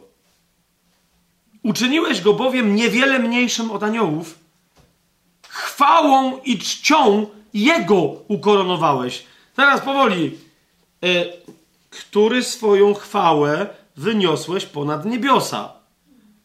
Ale tą chwałą ukoronowałeś i czcią człowieka, który jest niewiele mniejszy od aniołów, gdzie na ziemi? Co się tu dzieje? Dałeś mu panowanie nad dziełami Twoich rąk. Zaraz trzeci werset. Przypatruje się Twoim niebiosom, dziełu Twoich palców, księżycowi i gwiazdom a dałeś mu panowanie nad dziełami Twoich rąk. Wszystko poddałeś pod jego stopy. Zanim dojdziemy, że owce i wszelkie bydło, ale najpierw mamy zaraz powoli. Widziałeś kiedyś człowieka, który panuje nad księżycem? Nad gwiazdami? Dajże spokój. Ledwo przez teleskop Hubble'a coś tam zauważyli. Wiesz o co mi chodzi? A tam zaraz panowanie. I da, owce, wszelkie bydła, a także zwierzęta polne, ptactwo niebieskie, ryby morskie, wszystko, co przemierza szlaki mórz. O Panie, nasz Panie, jak sławne jest Twoje imię na całej ziemi. To jest dosłownie o Jachwę, nasz Panie. No więc, co to jest? No taki psalm pochwalny dla imienia Bożego. Fantastycznie. Otwórzmy sobie list do Hebrajczyków, drugi rozdział. I nagle w tym liście do Hebrajczyków, co jest najlepsze, bo y, y, y, tam jest, ja, z mojego punktu widzenia to jest trochę żart. No nie, to jest bardzo poważny list, no ale y, tutaj Paweł sobie żartuje z Hebrajczyków, że no tacy z nich nauczyciele, że dalej mleka, mleko mają pod nosem, tacy są dojrzali. No i stąd y, takie żarty się jego trzymają, tak? W drugim rozdziale od piątego wersetu czytamy. Nie aniołom bowiem Bóg, no tu nie ma Bóg, ale wiesz o co chodzi, poddał przyszły świat, o którym mówimy. Zaraz, czyli o czym teraz będziemy mówić? O przyszłym świecie. Przyszłym, nowym i ostatecznym. O nowej ziemi i o nowym niebie. Amen? Amen? Nie aniołom poddał. No to komu? Bo tu jest mowa o aniołach na początku drugiego rozdziału. Nie tylko, ale jest kontekst aniołów. A mówi, ale nie aniołom poddał. No to komu? Ktoś to gdzieś stwierdził. Ktoś to gdzieś stwierdził. Psalm 8. Hello. Ktoś to gdzieś stwierdził, gdy powiedział, teraz zwróćcie uwagę, nie, że ktoś to gdzieś stwierdził, czymże jest człowiek, tylko co stwierdził? Komu Bóg, po... jeszcze raz popatrzcie, nie aniołom bowiem poddał przyszły świat, o którym mówimy. Ktoś to gdzieś stwierdził, co? Komu poddał przyszły świat, gdy powiedział, czymże jest człowiek, że o nim pamiętasz, albo syn człowieczy, że troszczysz się o niego. Rozumiecie? Całe nowe stworzenie, przyszły świat, to wszystko Bóg miał w sercu dla kogo? Dla człowieka, z którym chce mieć wieczną jedność w jednej rodzinie. Czy to jest jasne? Jak to jest? Patrzcie dalej. Uczyniłeś go niewiele mniejszym od aniołów, o których tu od początku listu do Hebrajczyków jest mowa. Chwałą i czcią go ukoronowałeś i ustanowiłeś go nad uczynkami Twoich rąk. Zobaczcie, jak to dziwnie ktoś to gdzieś kiedyś powiedział, tak? Jak tu dziwnie Paweł tłumaczy. Wszystko poddałeś pod jego stopy. I dalej, a skoro poddał mu wszystko, nie pozostawił niczego, co nie byłoby mu poddane.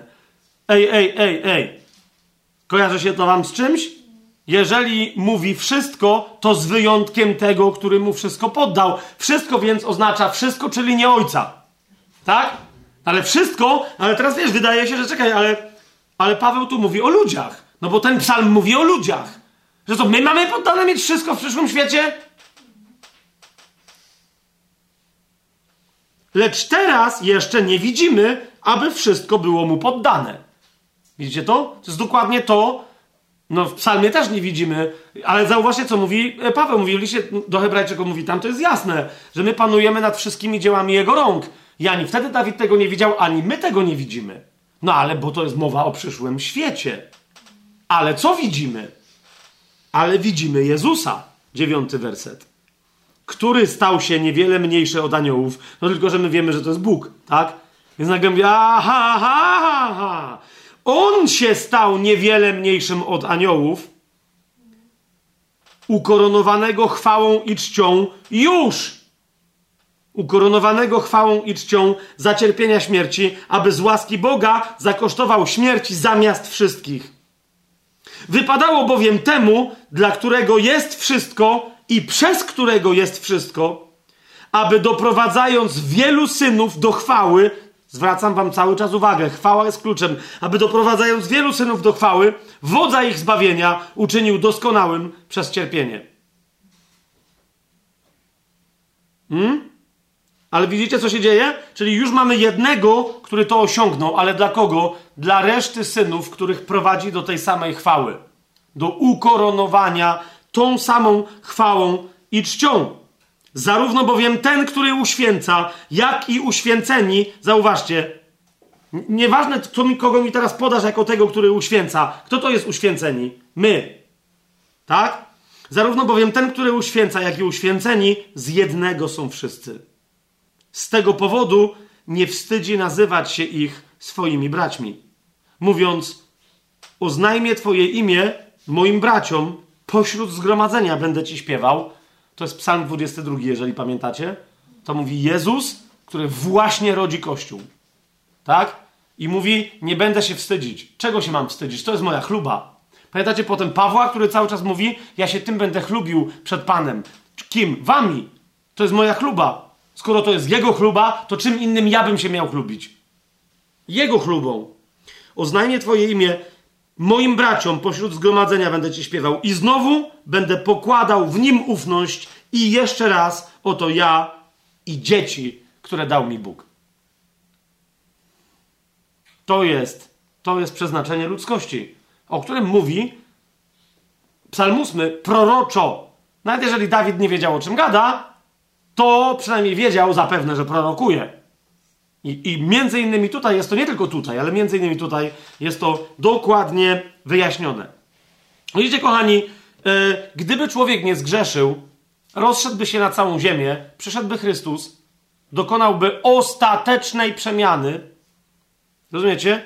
Wprowadziłby nas w pełnię życia wiecznego na zawsze, ale w innej formie niż ludzkość istniała na początku.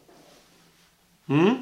Tylko tylko teraz, no niestety wydarzył się grzech, to mam zapisane, kolejny punkt tu mojego rozważania. Y, I jaki mamy czas w tym momencie, Gosia, żebym...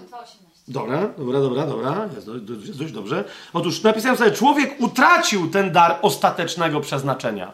Wiecie, sam sobie zagroził, że Bogu zagroził. Bóg miał plan, ale jakby rozumiecie, to nie jest plan dla kogoś, kto go nie chce. No bo miłość zakłada wolność, tak? Miłość tam zakładała, że ludzkość pokocha Boga.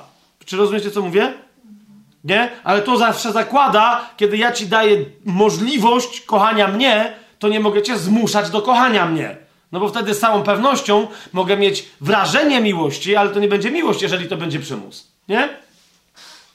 Człowiek więc utracił ten dar ostatecznego przeznaczenia, ale Chrystus, jeszcze raz powtórzę, który by i tak przyszedł, kiedy wreszcie przyszedł, to przyszedł nie po to, żeby usuwać problem wyłącznie, ale on przyszedł po co oryginalnie miał przyjść, a więc, żeby zrealizować plan Ojca, ale najpierw usuwając problem. Ma to sens, co teraz, co teraz mówię? Doskonale. List do Hebrajczyków, dziesiąty rozdział, zobaczcie, list do Hebrajczyków, dziesiąty rozdział, piąty werset. Pamiętacie, tajemnica tajemnic, jedna z jej nazw, jeden z jej tytułów brzmi, że jest to tajemnica woli Boga. Albo tajemnica Boga, zgadza się? To zobaczcie, kiedy Jezus wreszcie przychodzi na świat, Bóg staje się człowiekiem, mamy napisane tak, dlatego przychodząc na świat, mówi ten, który przychodzi na świat, do Ojca, ofiary ani daru nie chciałeś, ale przygotowałeś mi ciało.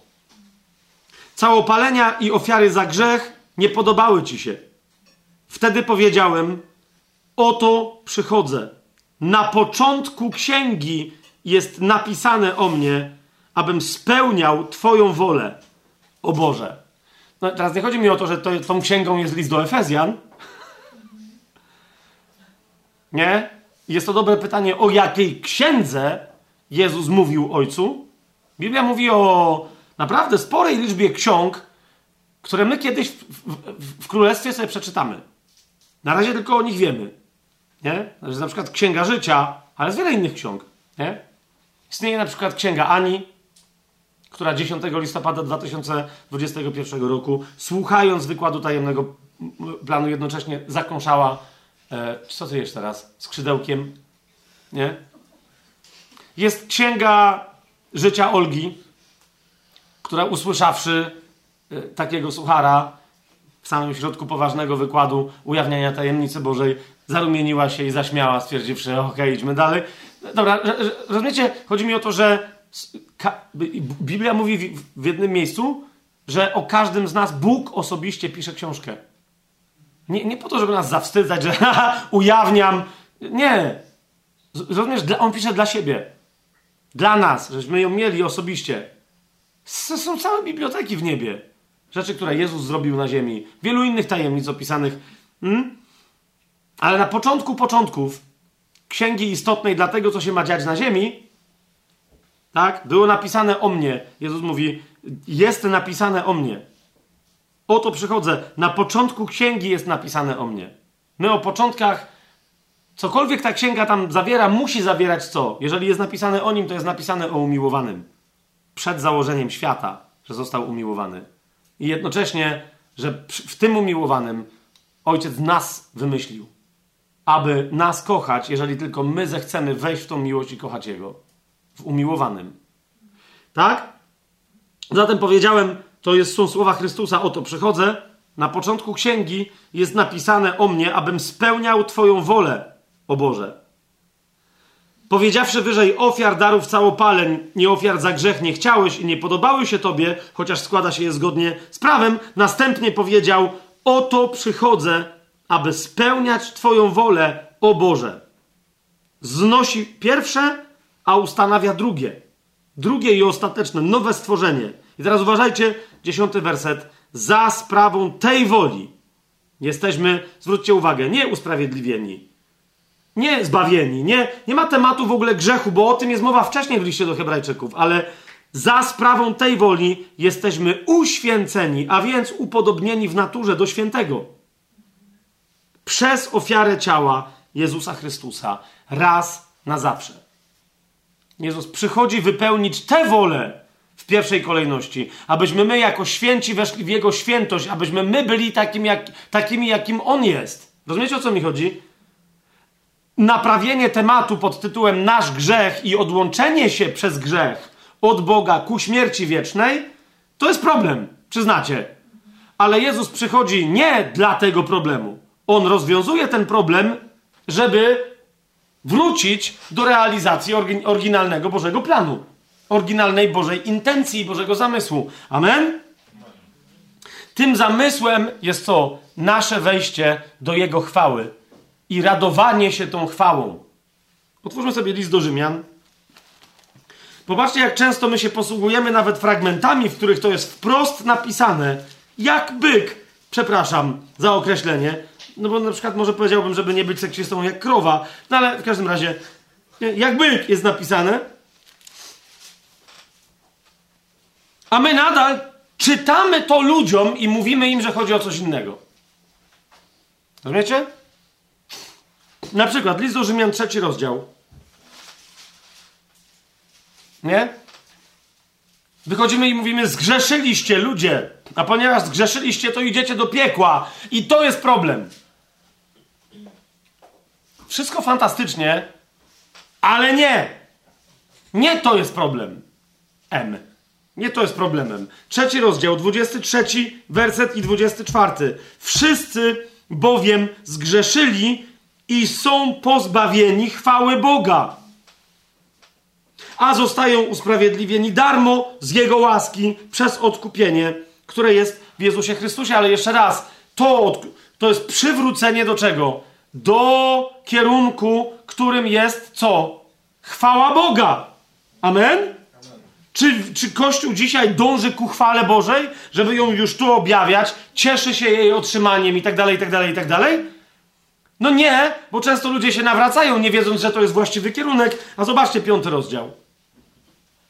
Będąc więc, od pierwszego wersetu, będąc więc usprawiedliwieni przez wiarę, mamy pokój z Bogiem przez naszego Pana Jezusa Chrystusa, dzięki któremu też otrzymaliśmy dostęp przez wiarę do tej łaski, w której trwamy i chlubimy się nadzieją chwały Boga. My tego nie mamy jeszcze w pełni, ale już się możemy tym chlubić, ponieważ jesteśmy pewni, że to będziemy mieli. Widzicie o co chodzi? Co było problemem? To, że nie znajdziemy się w chwale Bożej i że nie będziemy my chwałą Bożą. Bóg rozwiązał to, co stanowiło problem na tej drodze i przewrócił nas na tę drogę tak skutecznie, że kto wejdzie z powrotem na tę drogę, może mieć pewność, a więc nadzieję chwały Bożej. Hmm?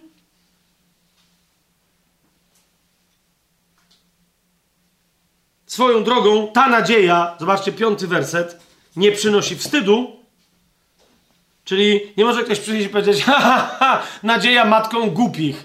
Jakoś u ciebie żadnej chwały nie widzę. Dlaczego? Ta nadzieja nie przynosi wstydu, ponieważ miłość Boga jest już rozlana w naszych sercach przez Ducha Świętego, który został nam dany. Ta chwała Boga jest, rozumiecie, związana z czym? Z wejściem do rodziny. Bo ktoś powie, no ale co z tego, że, no i co z tego, że Duch Święty został nam dany i ta miłość Boga jest rozlana w naszych sercach. Zaraz w liście do Rzymian, w ósmym rozdziale przeczytamy, ale nie tylko w liście do Rzymian, że ta miłość, ta obecność Ducha w nas i ta miłość jest, to jest duch usynowienia. 15, 8 rozdział, 15 werset. Nie otrzymaliście ducha niewoli, aby się znowu bać ale otrzymaliście ducha usynowienia, przez którego wołamy Abba, tatusiu, Abba, ojcze. Ten to duch poświadcza naszemu duchowi, że już jesteśmy dziećmi Boga. Amen? Rozumiecie, to jest, to, to dlatego, dlatego ta nadzieja nie nikt mnie nie może zawstydzić, bo ja wiem, co Duch Święty krzyczy w moim wnętrzu. Jak on jest głuchy, jak on nie, to jest jego problem. On się może śmiać, no ale tym bardziej wywołuje u mnie litość i głoszę mu dobrą nowinę. I mówię mu, pojednaj się z Bogiem. Bo on już z tobą się pojednał i już wyciągnął przebitą rękę swojego syna z krzyża do ciebie. Wróćmy w tym liście do Rzymian wcześniej do drugiego rozdziału. Spójrzcie, jak Paweł mówi taką niby tajemniczą rzecz w drugim rozdziale, w siódmym wersecie że Bóg odda każdemu według jego uczynków, mówi w szóstym wersecie, a w siódmym wręcz tym, którzy przez wytrwałe, wytrwanie w dobrym uczynku szukają chwały, czci i nieśmiertelności, odda życie wieczne. Absolutnie genialny fragment. To jest dokładnie to. Życie wieczne albo jest życiem wiecznym w chwale czci i nieśmiertelności, albo nie jest życiem wiecznym. Tak? Niektórzy mówią, no i właśnie dlatego my jesteśmy usprawiedliwieni, ale potem uczynki, prawo. E, e, e. Właśnie o tym Paweł mówi w liście do Efezjan. My jesteśmy stworzeni do dobrych uczynków, aby w nich postępować. Kiedy w nich postępujemy, czeka nas chwała, cześć, nieśmiertelność, życie wieczne. Tak? W pełni, w pełni dane. Ale od czego, ale kiedy my mamy możliwość pełnienia tych uczynków, za które otrzymamy chwałę, cześć, nieśmiertelność, czyli życie wieczne? Kiedy za darmo damy się Bogu usprawiedliwić. Tylko wtedy. Nie? To nie jest wezwanie. To, dlatego dalej Paweł w trzecim rozdziale mówi o usprawiedliwieniu, a nie o uczynkach prawa, a mówi, ale to nie z uczynków prawa. Rozumiecie? Ale to, to, jest, to jest to, co Bóg da ludziom: chwałę, cześć i nieśmiertelność. To jest życie wieczne. Yy, w tym liście do Rzymian w ósmym rozdziale, skoro już tam żeśmy byli, to, to zaś tam przeskoczmy. 17-18 werset, zobaczcie co mówi, jeżeli nie jesteśmy dziećmi, to i dziedzicami.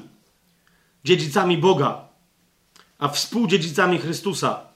Jeśli tylko z Nim cierpimy, abyśmy też z Nim byli uwielbieni. Pamiętacie, jak, jak była mowa, pierwszy rozdział, szósty werset o uwielbieniu, chwały, łaski, tam pamiętacie to? To my będziemy uwielbieni z Chrystusem, tak jak On jest uwielbiony. Przez kogo? Kurde, przez Ojca. I to kurde, tu jest takie, rozumiecie, bo to nie chodzi o to, że my będziemy czczeni jak bogowie.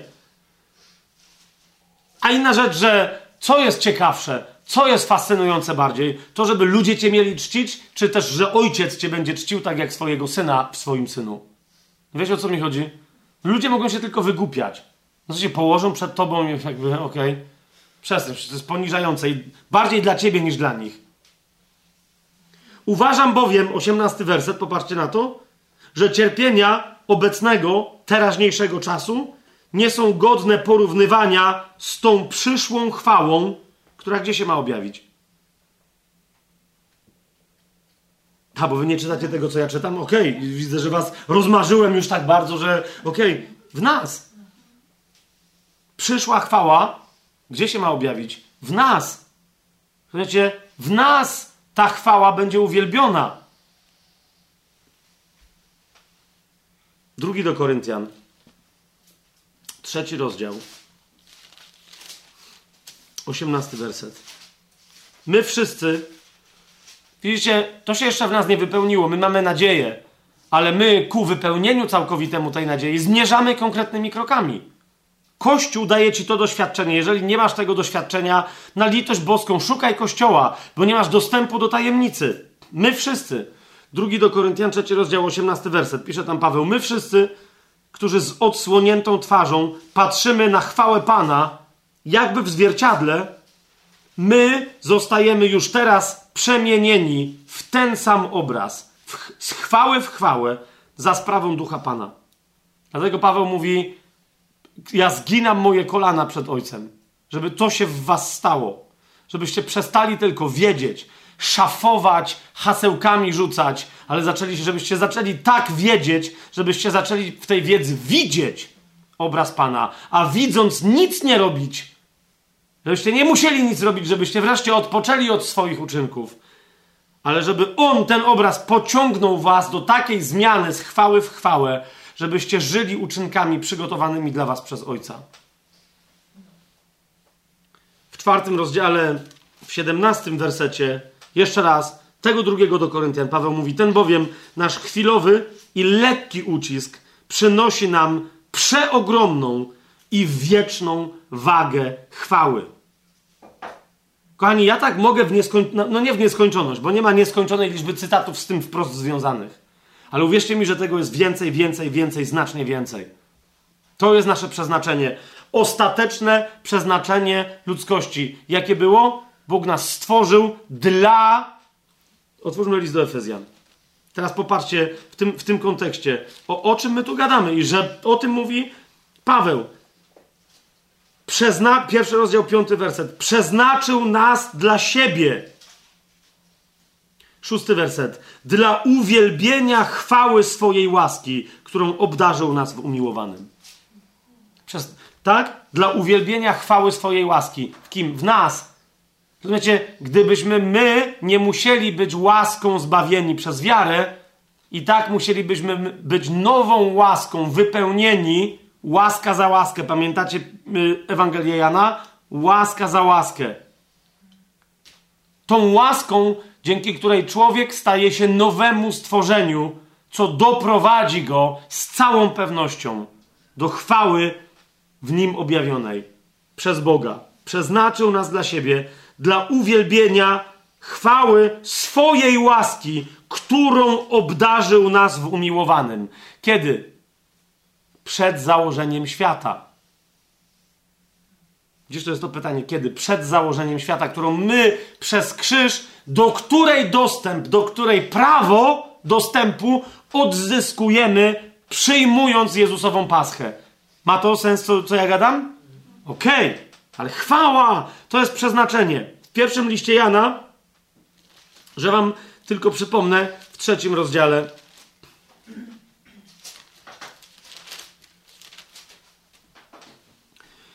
W pierwszym liście Jana, w trzecim rozdziale, w wersecie pierwszym i drugim, czytamy: Patrzcie, no patrzcie i widźcie, patrzcie, jaką miłością obdarzył nas Ojciec, że zostaliśmy nazwani dziećmi Bożymi. To są tematy, które dopiero co przywołałem z listu do Rzymian. Nie? Co znaczy, że jesteśmy dziećmi? Skoro dziećmi, to i dziedzicami, współdziedzicami Chrystusa. Mamy ducha wołającego o, Ojcze. Okej. Okay. Okej, okay. ale drugi werset. Umiłowani, teraz jesteśmy dziećmi Bożymi, ale jeszcze się nie objawiło, czym będziemy. Wiemy wszakże, że kiedy On się objawi, będziemy podobni do Niego, gdyż ujrzymy Go takim, jakim jest. Dam Wam tylko króciutki, symboliczny, hasłowy przedsmak tego, kim my będziemy, kiedy będziemy takim, jaki On jest. Co to znaczy, że będziemy mieć chwałę, cześć i nieśmiertelność w Jego wymiarze. W Księdze Objawienia ci, którzy to otrzymują w pełni, nazwani są zwycięzcami, albo ja bym osobiście wolał przetłumaczyć przezwycięzcami. Tymi, którzy przezwyciężyli. E, to są obietnice, które każdy z siedmiu kościołów otrzymuje. Teraz znowu nie będę tłumaczył czemu, bo to nie jest komentarz do Księgi Objawienia, ale przy Księdze Objawienia sobie wytłumaczymy, dlaczego y, tego typu rzeczy uniwersalne jak obietnice dla poszczególnych kościołów należy czytać całościowo, ponieważ one dopiero złączone są obietnicą dla całego kościoła. Jasność? Ok. Księga Objawienia, więc drugi rozdział, pierwsza, pierwsza obietnica, następna, następna i będziemy tak czytać. Drugi rozdział, siódmy werset. Kto ma uszy, niech słucha, co Duch mówi do kościołów. Temu, kto zwycięży, zwycięży, dam jeść z drzewa życia, które jest pośrodku raju Boga. Zauważcie, pierwsza rzecz. Pierwsza rzecz, o której mówi Pan. Będziesz mieć to, co ludzkość miała mieć od początku, a co straciła. Dostęp do drzewa życia, z którego będziesz mogła, będziesz mógł jeść. Amen? Jedenasty werset. Kto ma uszy, niech słucha, co duch mówi do kościołów. Ten, kto zwycięży, nie dozna szkody od drugiej śmierci. A więc już nie ma mowy, nie ma możliwości pójścia do piekła. Druga śmierć to jest pójście do gehenny. Ok? A więc temu, kto zwycięży, będzie dane pierwsze zmartwychwstanie, bo ten jest wolny od drugiej śmierci, kto zmartwychwstanie pierwszym zmartwychwstaniem. Tym zmartwychwstają tylko ci, którzy zasypiają w Chrystusie, bo to jest zmartwychwstanie również Chrystusie. Wolność od wiecznego potępienia, pewność owoców usprawiedliwienia. Ok? Yy, 17 werset. Kto ma uszy, niech słucha, co duch mówi do kościołów. Temu, kto zwycięży, dam jeść z manny ukrytej. I dam mu kamyk biały, a na kamyku wypisane nowe imię, którego nikt nie zna oprócz tego, który je otrzymuje. Nie będę teraz tego tłumaczył, ale widzicie, że historia się rozwija. 26 werset aż do 28. Temu, kto zwycięży i zachowa aż do końca moje uczynki, uważajcie teraz, dam władzę nad narodami. O, tu się zaczyna chwała. Tu się zaczyna moc, tu się zaczyna cześć. Dam władzę nad narodami. Jaką władzę? I będzie rządził nimi laską żelazną. A kto miałby rządzić narodami laską żelazną, jeżeli nie Chrystus? Prawda? Więc mówi, będzie rządził dokładnie tak jak ja, razem ze mną. Jak naczynia gliniane będą skruszeni, jak i ja otrzymałem od mojego ojca. Dokładnie to samo dostanie zwycięzca. I dam mu gwiazdę poranną. Ta sama księga objawienia zdradza, kto jest gwiazdą poranną, prawdziwą. Dam mu tą, no to czyli kogo? Nie? W trzecim rozdziale, piąty werset. Kto zwycięży, będzie ubrany w białe szaty. I nie wymarzę jego imienia z księgi życia, lecz wyznam jego imię przed moim ojcem i przed jego aniołami. Rozumiesz? Jezus powie przed ojcem: Mój ci on, nasz ci on, moja ci ona, nasza ci ona, tato. Dwunasty werset. Tego, kto zwycięży, uczynię filarem w świątyni mojego Boga i już nigdy nie wyjdzie na zewnątrz. Napiszę też na nim imię mojego Boga i nazwę miasta mojego Boga, nowego Jerusalem, które zstępuje z nieba od mojego Boga i moje nowe imię. Co to znaczy? Każdy, kto tam będzie, będzie mieć na sobie imię Jahwe, przynależności do Jahwe. Będzie mieć na sobie imię nowego Jerusalem, a więc przynależności do Kościoła Wiecznego, do oblubienicy Chrystusa i będzie mieć na sobie imię Chrystusa, nowe imię Chrystusa, ok? Jako swojego wiecznego oblubieńca, zapisane nieco inaczej niż to na białym kamyku. To będzie jedno i to samo imię, tylko to na białym kamyku będzie podkreślać nie to, że ktoś jest Chrystusowy, ale w jaki sposób wyjątkowy miał być Chrystusowym do końca, nie do końca, bo nie ma końca, do końca świata, do końca królestwa i na wieki w królestwie wiecznym. Nie? E, tu to jest nowe imię, które Chrystus ma we wszystkich nas. No ale teraz znowu nie będę te, tego rozwijał. 21 werset. Temu, kto zwycięży, dam zasiąść ze mną na moim tronie, jak i ja zwyciężyłem i zasiadłem z moim ojcem na jego tronie. No lepiej, da, da się lepiej? Powiedzcie mi, czy da się lepiej? Czy możesz osiągnąć większą chwałę? Nie. Żaden anioł. Żaden anioł. W Chrystusie my. Temu, kto zwycięży, dam zasiąść ze mną na moim tronie, tak jak i ja zwyciężyłem i zasiadłem z moim Ojcem na jego tronie. Dalej w Księdze Objawienia w 21 rozdziale czytamy 10-11 werset. I przeniósł mnie w duchu na górę wielką i wysoką i pokazał mi wielkie miasto, święte Jeruzalem, zstępujące z nieba od Boga. Mające co? Co? Chwałę Boga. Całe to zamieszkiwanie wspólne, zjednoczenie się rodzinno-małżeńsko-miłosne z Bogiem, to i tylko to będzie miało pełną chwałę Boga. Miasto, święte miasto, wielkie święte miasto Jeruzalem, wstępujące z nieba, mające chwałę Boga. Jego blask był i tak dalej, i tak dalej, i tak dalej. 23 werset. To miasto, 21 rozdział Księgi Objawienia, 23 werset. To miasto nie potrzebuje słońca ani księżyca, aby świeciły w nim, bo oświetla je co? Chwała Boga, a jego lampą jest baranek. Jeszcze raz. Wiecie, co się tu dzieje? Chwała Boga. To od początku było przez Boga zamierzone i on nie ustąpi. Jak ktoś się uprze i będzie chciał pójść do piekła razem z diabłem i jego aniołami, to pójdzie. Ale Bóg, Bóg nigdy czegoś takiego nie planował. Rozumiesz? Nigdy czegoś takiego nie planował. W Księdze Objawienia wreszcie w, 20, w 22 rozdziale, w piątym wersecie jeszcze czytamy o tym miejscu. I nocy tam nie będzie, i nie będzie im potrzeba lampy ani światła słońca, bo Pan Bóg będzie im świecił i będą królować na wieki wieków. To jest królewska chwała. Królewska chwała. Chwała króla królów.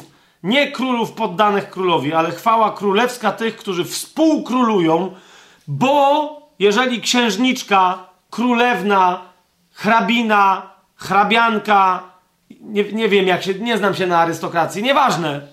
Ale jeżeli wychodzi za króla, to kim się staje? Królową. Tak? Staje się królową. Po prostu. Ma dostęp do majestatu, do chwały, do czci i władzy królewskiej. Ta historia z tym Nowym Jeruzalem, widzicie, jeżeli chcemy dalej, bo dlaczego ja w momencie powiedziałem, że tą tajemnicą jest Chrystus jako Emanuel. Tą tajemnicą jest Chrystus jako Emanuel. To jest bardzo ważne imię.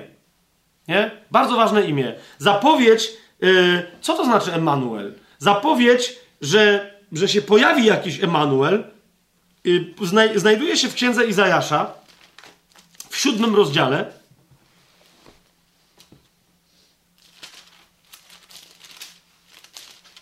I niektórzy niestety trochę mylą fakty ze względu tylko i wyłącznie nie na to, co tu jest napisane, tylko i wyłącznie na to, co jest tu napisane. To jest siódmy rozdział, czternasty werset. Dlatego sam Pan da wam znak. Oto dziewica pocznie i urodzi syna i nazwie go Emmanuel. Nie? Kto, kto to jest ten Emanuel? To jest ktoś, komu jest przeznaczone wieczne królestwo Izraela. Któremu jest przeznaczone zwyciężyć od wiecznego wroga tego królestwa Izraela, którym jest Asyryjczyk. W księdze Izajasza w ósmym rozdziale drugi raz pojawia się imię Emanuel, żeby to, czyli dziewica pocznie i urodzi syna i nazwie go w innych tłumaczeniach, za chwilę do tego przejdziemy, albo tran, a, nieważne, yy, trawestacjach pewnych. Mm. Jest powiedziane nie, że ona go nazwie, ale że go nazwą. Nie? Ale to imię się nie pojawia w Biblii. Pojawia się tylko tu, w siódmym rozdziale, potem w ósmym rozdziale i potem jeszcze tylko w jednym miejscu. Nie? Jak się pojawia w ósmym rozdziale? Zobaczcie. Jest mowa o Asyryjczykach, którzy się wedrą do Judy, to jest ósmy rozdział, ósmy werset Księgi Izajasza. Wedrze się do Judy Asyryjczyk, zaleje i rozejdzie się, aż dosięgnie szyi, a jego rozpostarte skrzydła napełnią szerokość Twojej ziemi, o Emanuelu. To jest Twoja ziemia, Emanuelu. Urodzi się więc władca Izraela. Nie? Zanim się urodzi Asyryjczyk, opanuje, ale przecież kiedy go tam nie będzie, jego ziemia, to jest jego ziemia. Tak?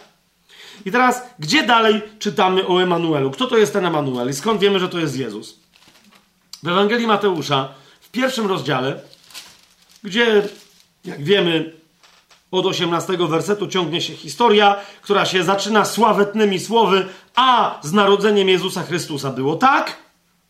Dowiadujemy się w 23 wersecie, 22 i 23, a to wszystko się stało, aby się wypełniło. Teraz zwróćcie uwagę, yy, że yy, przychodzi anioł do Marii i mówi jej, yy, że urodzi syna i mówi jej, któremu nadasz imię Jezus. 21 werset, widzicie to?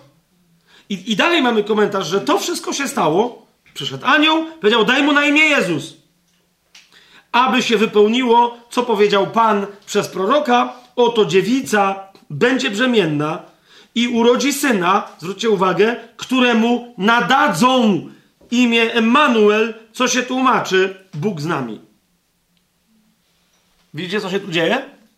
Ja nawet miałem całkiem niedawno rozmowę z jedną siostrą, bardzo inteligentną siostrą, ale ona mówi, ale to zaraz, to Emmanuel to, to znaczy Jezus? Nie, Jezus znaczy Jezus, to znaczy Jezus znaczy Jehoszua, znaczy Jahwe zbaw. Albo Jachwę zbawia. W Jachwę jest zbawienie, nieważne. Emanuel, wyraźnie jest powiedziane, znaczy Bóg z nami. Więc, no to zaraz, to się stało, no, zwróćcie, to wszystko się stało, 22 werset, aby się wypełniło, a nie jest powiedziane, że to się stało, żeby się w ten sposób wypełniło, nie? Ale to było konieczne, musiał przyjść Emanuel pod imieniem Jezus, aby jego drugie przyjście nastąpiło pod imieniem Emanuela. Bóg z nami. Świątynia Boga z jego ludem. Bóg z nami. Wiecie o co mi chodzi? Teraz, kiedy Jezus przyjdzie, to będzie ewidentny, oczywisty Emanuel. Jezus zmartwychwstały, zamieszkujący przez ducha w wyniku usprawiedliwienia w moim i Twoim sercu, to jest nasz obecny Emanuel. Tak? Ale niewidzialny. Yy, teraz zwracam Wam na, na jedną rzecz uwagę. Nie? Bardzo, bardzo istotną. Bóg z nami. Rozumiecie? Nie ma tam zapowiedzi tego, tego przeznaczenia ludzkości, bo to była tajemnica, pamiętacie, zachowana, aż dopóki nie pojawił się Kościół. Dlaczego? Bo nikt nie miał pojęcia, jak niby Bóg miałby mieszkać z ludźmi. Zrozumcie, że, ta, że, że my, chrześcijanie, chodzimy, ogłaszamy to wszędzie, ludzie po nas powtarzają, nawet ci, którzy nie mają tego doświadczenia. Rozumiecie, powtarzają, nie wiedząc, co mówią, że doświadczenie Boga musi być wewnętrzne. A od kiedy ono niby jest wewnętrzne? W jakiej religii tak naprawdę jest wewnętrzne? Zastanów się. Boga, który nie jest tobą. Bo są takie, które mówią, nie, nie, my tu nie mamy nic wspólnego, ale wiesz, ja jestem Bogiem. Jak ty jesteś Bogiem, to nie masz w sobie Boga, który nie jest tobą, tylko ty jesteś Bogiem. To jest głupie, co prawda, ale jasne jest to, co mówię. Nie, ale jesteś ty, jako człowiek, jako stworzenie i jest Bóg, który jest stworzycielem, jest kimś innym i On mieści się w tobie, we mnie, w nas, w ludziach. Ale Biblia od początku tak nauczała, Żydzi wiedzieli tak. Żydzi wiedzieli? Nie chcę teraz tego wątku rozwijać, ale to proroctwo dla nich nie było jasne. Szekina, objawienie obecności Boga na ziemi, to jest to, co oni myśleli, że będzie najwyżej do doświadczenia. Czyli, że będzie Bóg pomiędzy nami i tyle. I to też tak nie do końca. Żeby wam to unaocznić, y, zacytuję tylko może dwa miejsca, bo czas. Pierwszą królewską, najpierw zobaczmy ósmy rozdział.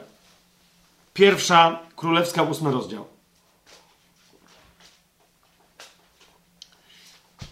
Salomon wybudował świątynię według planów Dawida. Mamy? Punkt odniesienia, jest kontekst? Okej. Okay. Więc Salomon wybudował świątynię i e, przy poświęceniu, przy tych wszystkich historiach modli się do Boga. Nie będziemy jeszcze się tym zajmować, ale w pewnym momencie wyraża to, co najgłębiej tkwi w jego sercu, że ale jak to? Jak to? Bo on znał psalmy swojego ojca. Znał proroctwa swojego ojca na temat świątyni Boga. No i ją wybudował. I dalej wiedział, że coś nie gra. Bo my już wiemy, że to był cień rzeczy przyszłej. Tak? Ale zobaczcie, ósmy rozdział pierwszej królewskiej, 27 werset. Patrząc na świątynię, absolutny geniusz starożytności, Salomon pyta, czy naprawdę jednak Bóg zamieszka na ziemi? Oto niebiosa i niebiosa niebios nie mogą cię ogarnąć, to co dopiero ten dom, który zbudowałem? Czy rozumiecie, co się tu dzieje? On wie, że no nie, no nie może Bóg stąpić i tu zamieszkać. No to jest jego dom, ale jakby no rozumiemy, że tak trochę szekinowo, trochę symbolicznie. Nie? Y, ten, ta wypowiedź Salomona jest w innych miejscach powtórzona w Starym Testamencie, ale do jeszcze innej chce nas odnieść. W drugiej kronik, yy, drugi rozdział drugiej księgi kronik, szósty werset. To jest inny kontekst. Piąty i szósty werset. Ale też Salomon mówi: Dom, który mam zbudować, będzie wielki, gdyż nasz Bóg jest większy od wszystkich bogów.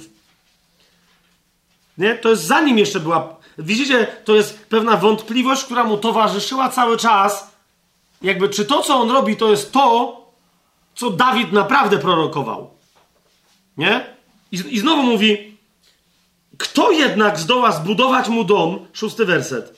Kto jednak zdoła zbudować mu dom, skoro niebiosa i niebiosa niebios nie mogą go ogarnąć? A kim jestem ja, żebym miał jemu dom zbudować? No chyba tylko do palenia przed nim kadzidła. No to jest właśnie, to jest dokładnie to, nie?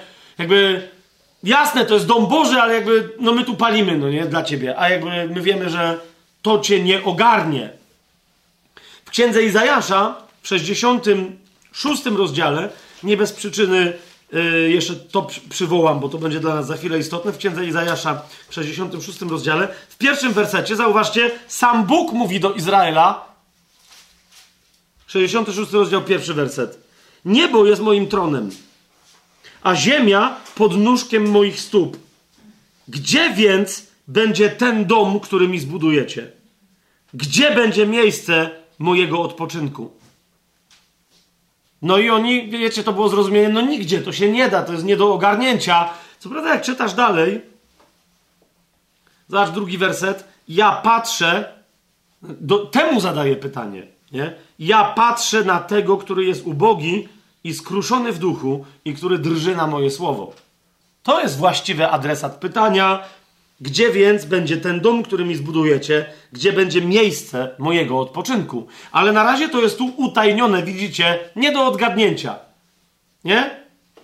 Spójrzcie, że świadomość tego, że Boga się nie da w niczym pomieścić, że On jest zawsze zewnętrzny, bo jest większy, nawet włącznie z tym cytatem, który teraz wam zacytowałem, zauważcie, że pojawia się jeszcze po zmartwychwstaniu Jezusa, ale w pewnym określonym kontekście, w dziejach apostolskich e, Szczepan głosi, cytując dokładnie ten fragment. Zobaczcie, siódmy rozdział dziejów apostolskich. Siódmy rozdział dziejów apostolskich, 48 werset. 47 i dalej.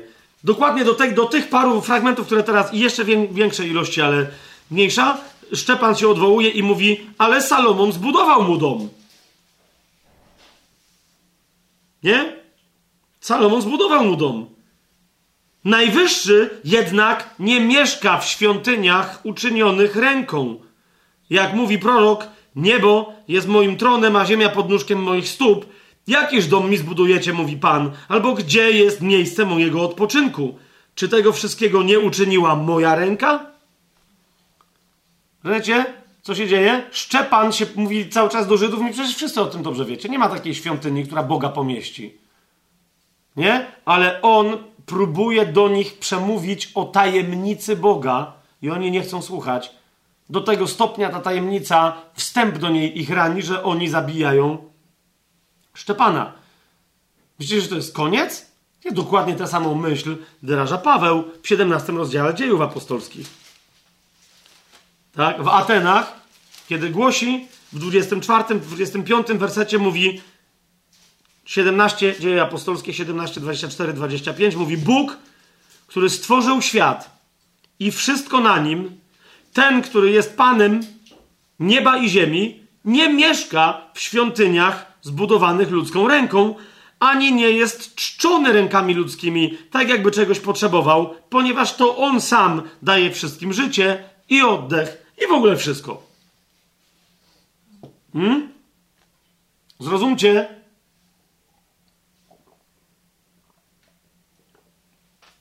Do najbardziej inteligentnie religijnych ludzi na świecie Paweł mówi: Przecież wiecie, że Boga nie da się zamknąć. Bo Bóg jest większy zawsze. Od czego? Od wszystkiego. Tak? Tak? To, to teraz widzicie, jak już to rozumiemy, że na, nasi bracia i siostry od początku, kiedy głosili tajemnicę Chrystusa, najpierw o tym mówili, to jest coś, co my sobie musimy przypomnieć. Rozumiecie? Żebyśmy wreszcie zadrżeli, żeby nam, żeby nam kolana zmiękły i żeby, żebyśmy padli na kolana wobec tej tajemnicy. Jakiej mianowicie? Pierwszy do Koryntian. Trzeci rozdział. 16-17 werset. Czy nie wiecie, że wy jesteście świątynią Boga i że Duch Boży w was mieszka? Jeżeli ktoś niszczy świątynię Boga, tego zniszczy Bóg, bo świątynia Boga jest święta, a wy nią jesteście. Rozumiecie? Naprawdę musiałem to przywołać. Te wszystkie, rozumiecie? To jest cały czas zanim ktoś ci mówi o tajemnicy ukrzyżowania, zmartwychwstania Jezusa, usprawiedliwienia i tak dalej, mówi ci Bóg jest nieogarniony. On, ten nieogarniony, patrzy na ciebie osobiście, daje ci nowe życie, przemienia cię, ale za chwilę ci mówi, ale teraz ty wchodzisz w tajemnicę, która jest w stanie ogarnąć Boga. Hmm? Dlatego to nie jest do zrozumienia, to jest do przeżycia. Pierwszy do Koryntian, szósty rozdział, dziewiętnasty werset. Czy nie wiecie, że wasze ciało jest świątynią Ducha Świętego, który jest w was, a którego macie od Boga i już nie należycie do samych siebie? Drogo bowiem zostaliście kupieni. Hmm? To już rozumiesz, to jest rzeczywistość, w ramach której kapujesz przez obecnego w tobie ducha twoje ciało nawet. Twoje ciało nawet jest świątynią całego Boga, który w niej naprawdę jest obecny. Dlaczego? Ponieważ twoje członki fizycznie, jeżeli są martwe i ukrzyżowane razem z ukrzyżowanym, stają się członkami Chrystusa. W szóstym rozdziale, piętnastym wersecie, Paweł pyta, czy nie wiecie, że wasze ciała są członkami Chrystusa? I dlatego 19, w dziewiętnastym wersecie pyta, czy nie wiecie, że wasze ciało w związku z tym jest świątynią Ducha Świętego. Ponieważ świątynią Ducha Świątynią, która może ogarnąć całego Boga, może być tylko i wyłącznie przemieniałe, przemienione ciało, które Bóg wziął dla siebie jako swoje. Drugi do Koryntian, szósty rozdział, szesnasty werset, piętnasty i szesnasty werset. Jaka jest zgoda Chrystusa z Belialem? To jest oczywiście pytanie retoryczne. Żadna.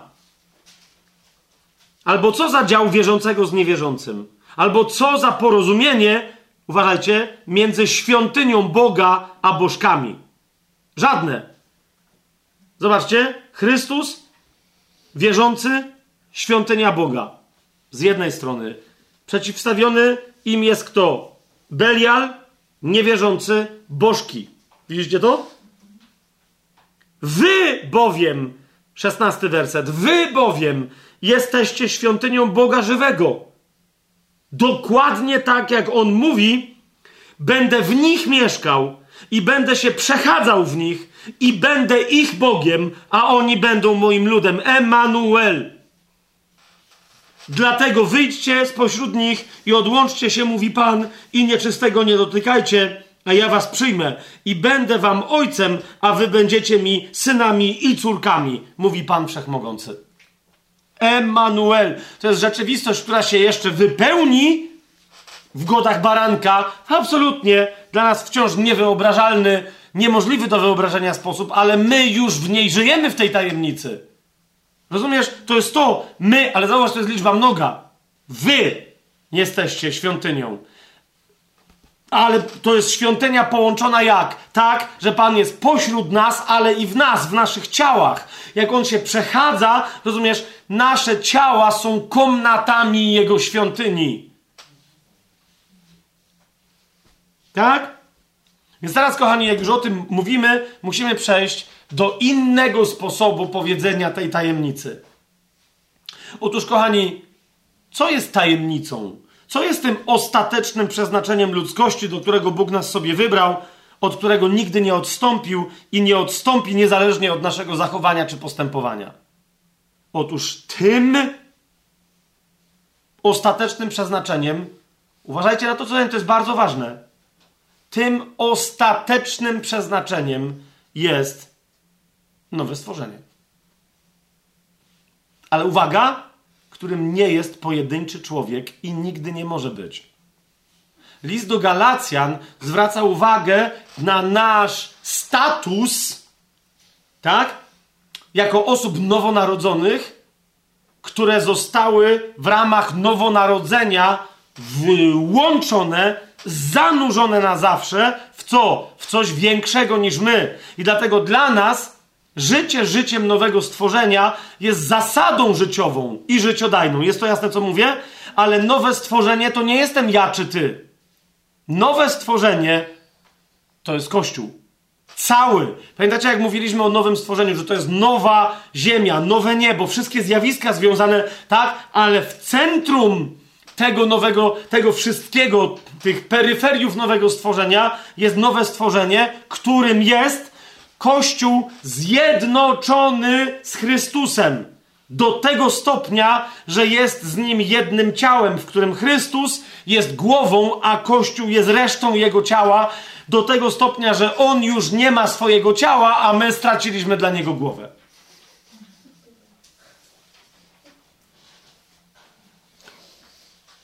Rozumiecie? E, I teraz sęk w tym, że my cały czas, no tak, no Kościół, tak? I teraz za... To nowe stworzenie, o którym w piątym rozdziale, w 17 wersecie Pan mówi, wszystko stało się nowe. Co się między innymi stało nowe? Widzisz, ono na, to naprawdę i tylko list do Efezjan to ujawnia, kochani. Mianowicie, że Kościół to nie jest zgromadzenie wielu osób, ale że Kościół to jest jeden człowiek. I że ten Kościół, ten jeden człowiek jest jednym z Chrystusem, a więc Kościół jest Chrystusem. Nie zlewając się z nim, ale jest nim, jest, będąc jego ciałem, jest nim, a on jest nią. I tylko i wyłącznie, tylko i wyłącznie list do Efezjan to w taki sposób podkreśla. Nasz indywidualny los, że się tak wyrażę, jest przesądzony, kiedy? W momencie, kiedy decydujemy się w wyniku usprawiedliwienia przejść całą paschę Chrystusową i wziąć Jego jako naszą paschę. Tak? Ponieważ wtedy całkowicie zanurzamy się w Nim, a co to oznacza? 12 rozdział pierwszego listu do Koryntian.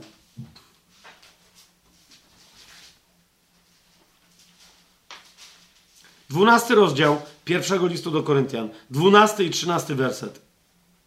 Ciało jest jedno. To jest najważniejsza teza. Dwunasty rozdział pierwszego listu do Koryntian, dwunasty i trzynasty werset. Tak? Jedna z najważniejszych tez odnoszących się w, w ogóle w Biblii, bo to jest nowe stworzenie. To, to jest ostateczne przeznaczenie. To jest Chrystus, to jest Kościół, to jest Emanuel, to jest Nowe Jerusalem. Ciało jest jedno. I teraz, jak ciało jest jedno, a członków ma wiele, i wszystkie członki są jednego ciała, chociaż jest ich wiele, to są jednym ciałem, tak i Chrystus. Ciało jest jedno, co to oznacza? Że i Chrystus jest jeden. A gdzie jesteś ty czy ja? Trzynasty werset. Bo wszyscy przez jednego ducha zostaliśmy ochrzczeni tu według mnie lepiej by jednak było przetłumaczyć zanurzeni. Ok? Zostaliśmy zanurzeni w jedno ciało. I teraz patrzcie, czy to Żydzi, czy Grecy, czy niewolnicy, czy wolni. Formuła nowego stworzenia, widzicie to? Jesteśmy my zanurzeni w jedno ciało. Jeżeli ja jestem w nim zanurzony, to jestem komórką i w tym tylko sensie, ale ja nie jestem ciałem. Rozumiesz? My jesteśmy ciałem, więc moje ja musi być zamienione. Przepraszam teraz za tą operację, bo jest trochę koślawa, nie, nie umiem tego lepiej powiedzieć. Moje ja musi być, musi być zamienione, że żył zasadą nowego stworzenia na nasze ja. A naszym ja jest Chrystus. Już nie ja żyję, ale żyje we mnie Chrystus. Zauważ, jeżeli Chrystus to jest Kościół, ty patrz, co się teraz dzieje. Już nie ja żyję, ale żyje we mnie Kościół. A ja żyję życiem Kościoła. Dlaczego? Bo to jest Chrystus i to jest Jego życie. Może wreszcie Kościół zacząłby żyć tak, jak powinien żyć, gdyby, gdyby zaczął rozumieć te tajemnice. Rozumiesz? Jeżeli spotykasz się z kimś najbardziej nielubianym przez siebie członkiem Twojego zboru, śmierdzącym, pierdzącym, pobekującym, czasami, rozumiesz, higienicznie, duchowo niezadbanym i olewającym to zadbanie, ale nowonarodzonym. Dzieckiem w Chrystusie, które jakimś cudem chodzi, mimo że dalej ma pieluchy, w które walki. Co wyraża się na zewnątrz byciem kłótliwym, byciem złośliwym. No wiecie o co mi chodzi, nie? I teraz ty się spotykasz z nim. I to jest Chrystus. Siedzisz z nim w jednej celi. To jest. Pff, spotykasz się z nim na ulicy niechcący. Rozumiesz? Jeżeli masz doświadczenie tej tajemnicy, to nie posiadasz się z radości.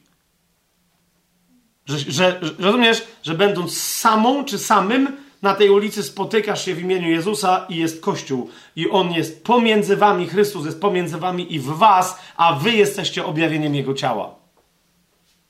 Hmm? Jeden nowy człowiek. List do Galacjan, trzeci rozdział, który dopiero co studiowaliśmy, list do Galacjan, trzeci rozdział, 28 werset. Nie ma Żyda, ani Greka, nie ma niewolnika, ani wolnego, nie ma nawet mężczyzny, ani kobiety. Uważajcie, wszyscy bowiem jesteście jedno w Chrystusie Jezusie. Wszyscy jesteście jedno. Bym powiedział wręcz, żeby to podkreślić, jedno i to samo. To mi nie odbiera mojej tożsamości, mojej indywidualności ani tobie, tak? Ale z drugiej strony w pewnym sensie podporządkowuje tą indywidualność pod indywidualność Chrystusa jako oblubienicy, która jest ciałem całego Chrystusa. Nie jest głową. Oblubienica nie rządzi, ale ona jest jego ciałem na zawsze. W liście do Kolosan w trzecim rozdziale, w jedenastym wersecie czytamy, gdzie nie ma Greka ani Żyda, obrzezanego ani nieobrzezanego, cudzoziemca ani scyty, niewolnika ani wolnego, ale wszystkim i we wszystkich Chrystus. Wszystkim, we wszystkich Chrystus. We mnie Chrystus może być inaczej niż w tobie, tak? Ale to On jest zasadą wszystkiego we wszystkich, wszystkiego, co przetrwa. Co przejdzie przez Armagedon, co z martwych wstanie do Królestwa Tysiącletniego i Wiecznego. Amen? Rozumiecie, to jest tajemnica, którą ujawnia list do Efezjan. Efezjan, pier, pierwszy rozdział, dziewiąty i dziesiąty werset. Oznajmiając nam tajemnicę swojej woli, według swojego upodobania, które sam w sobie postanowił, uważajcie, aby w zarządzeniu pełni czasów wszystko zebrał w jedno w Chrystusie i to, co w niebiosach, i to, co na ziemi. Chrystus jest całą rzeczywistością. Cokolwiek jest poza nim, nie jest. Nawet jeżeli jeszcze się temu czemuś wydaje, że jest.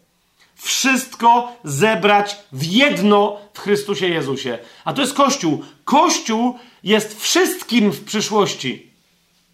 Nie ma niczego innego. To jest nowe stworzenie.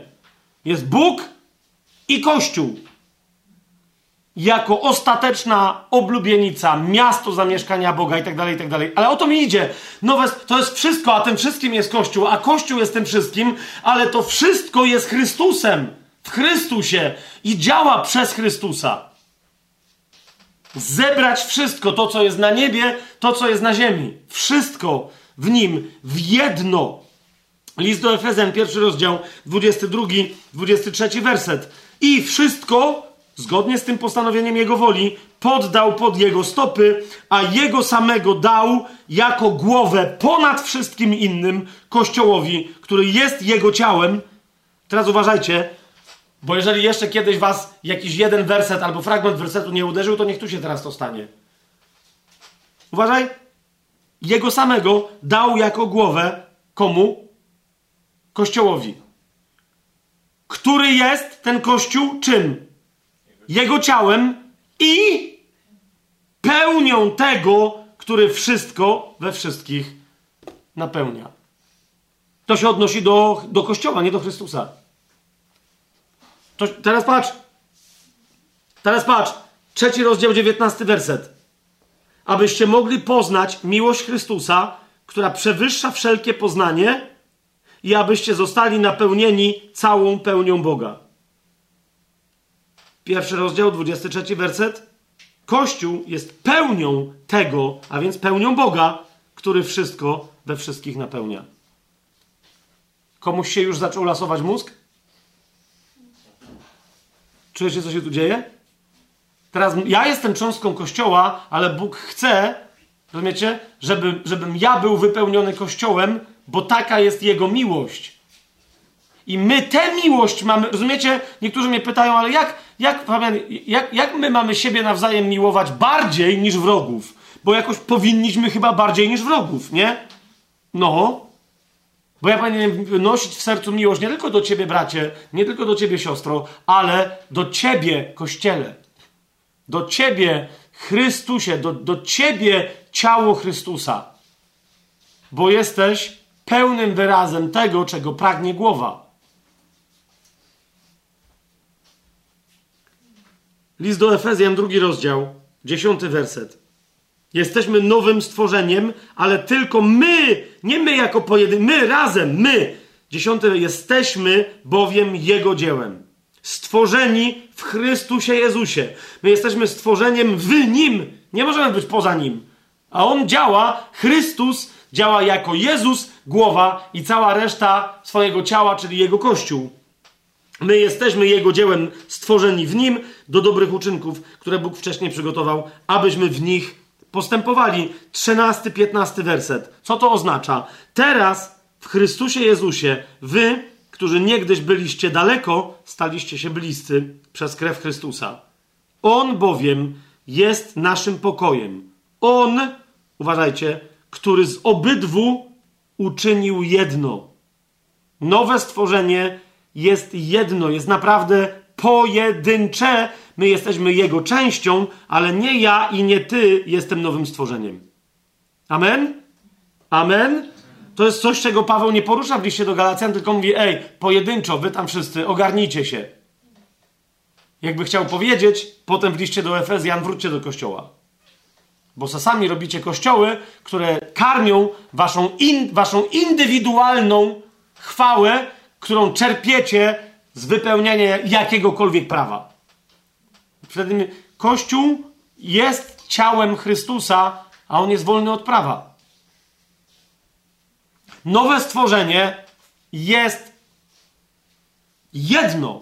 I my jesteśmy tego jednego tylko częścią. Kiedy przestajemy być częścią tego jednego, to wyłączamy się spod łaski. Ona nie może dla nas działać.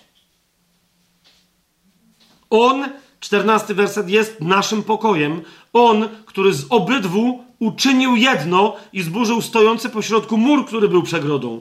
Uważajcie, znosząc przez swoje ciało nieprzyjaźń, prawo przykazań wyrażone w przepisach, uważajcie, aby z dwóch stworzyć w samym sobie jednego nowego człowieka, czyniąc pokój. To jest nowe stworzenie. Jeden nowy, liczba pojedyncza, człowiek. Adam. Ktoś powie z Żyda i z Greka, z niewierzącego i z wierzącego, z nieobrzezanego i z obrzezanego. Ale dlaczego jest też powiedziane, nie ma Żyda ani Greka, nie ma mężczyzny ani kobiety? Ponieważ to jest tak bardzo jeden człowiek, że nawet to, co było fundamentem pierwszego stworzenia człowieka, był Adam, człowiek, ale on się składał z Iszy i z Isza. Tak? Z jej i jego. Z żony i z męża. Tu nawet to rozróżnienie jest zniesione. Jest tylko Chrystus tak zjednoczony ze swoją żoną, że jej nie da się odróżnić od niego, a jego od niej, bo on jest jej głową, a ona jest jego ciałem. Amen? Jeden nowy człowiek. Nowym stworzeniem jest nowy człowiek, a tym nowym człowiekiem jest właściwie rozumiany Kościół. A więc jedność, bo uważaj, to jest Kościół. Kościół to jest jedność ciała Chrystusa z głową, którą jest Jezus. 18 werset do 22. Przez niego więc my, obie strony, mamy przystęp w jednym duchu do Ojca. A więc nie jesteście już więcej obcymi i przybyszami, ale współobywatelami ze świętymi i domownikami Boga. Zbudowe, zbudowani na fundamencie apostołów i proroków, gdzie kamieniem, dobra, dobra, dobra, na którym cała budowla razem zespolona rośnie w świętą świątynię Panu, na którym i wy razem się budujecie, aby być mieszkaniem Boga przez Ducha. Widzicie, te rzeczy, o których do tej pory mówiliśmy, tu w liście do Efezjan są wyrażone w dwóch wersetach kluczowych. Wy wszyscy jesteście świątynią, żeby każdy z was mógł być pojedynczo radosną świątynią Boga, ale nie może być, jeżeli nie jest częścią tej całej budowli.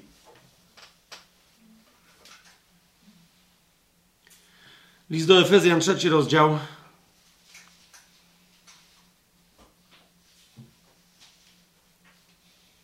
Dobra, to sobie pominiemy. List do Kolosan. List do Kolosan, pierwszy rozdział.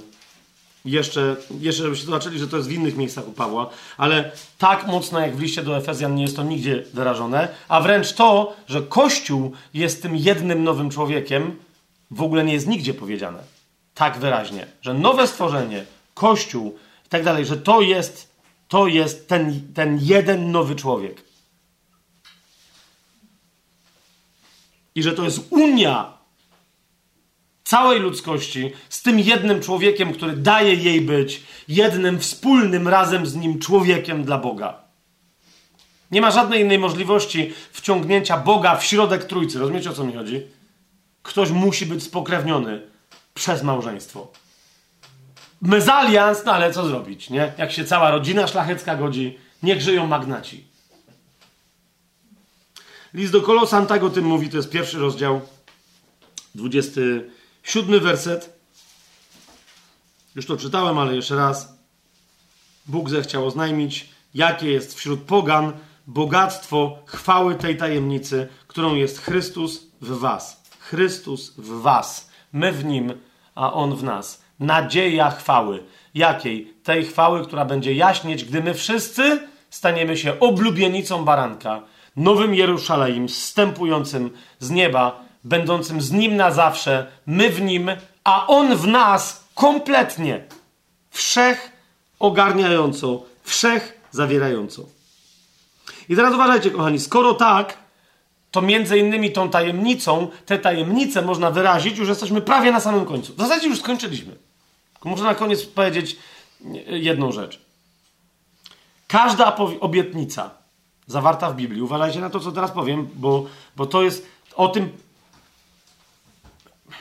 O tym mówi też list do Efezjan, ale w sposób nieco zawoalowany. Każda obietnica, mam to napisane i podkreślone, trzy linijki.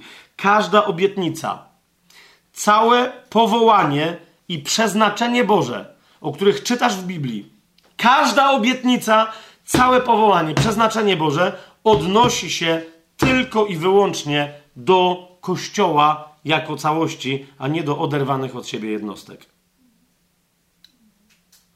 Jeżeli ktoś myśli, że pójdzie do nieba, że będą tam jakieś drzwi, jakiś Piotr Święty będzie go wpuszczał, będzie stał sam, rozumiesz, to jest to nie, nie Trybunał Chrystusa nawet, to jeszcze jest coś innego.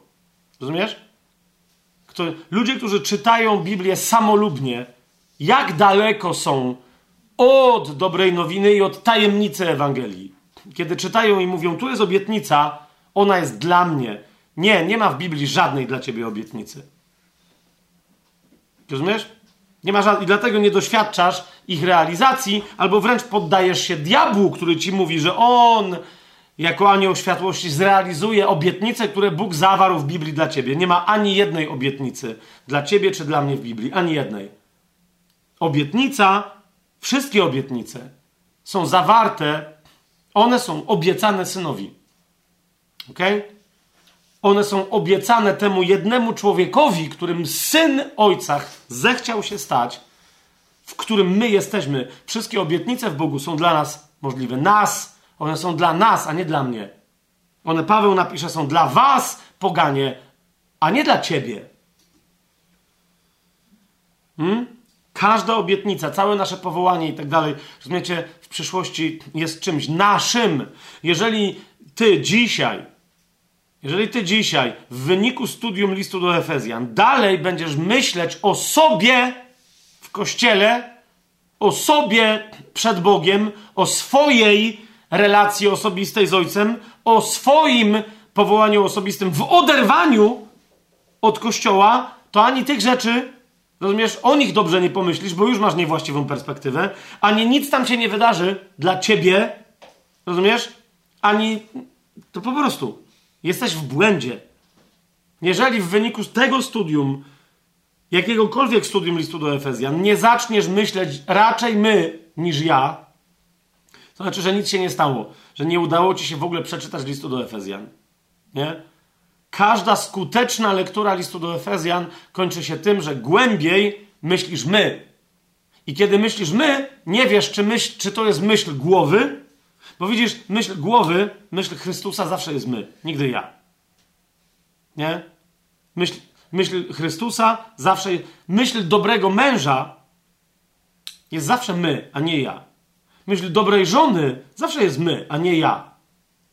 Tak? Jeżeli to małżeństwo ma dzieci, tym bardziej myśl męża czy żony jako ojca lub matki jest my, a nie ja. We wszystkim, co się tyczy ich życia. Nie?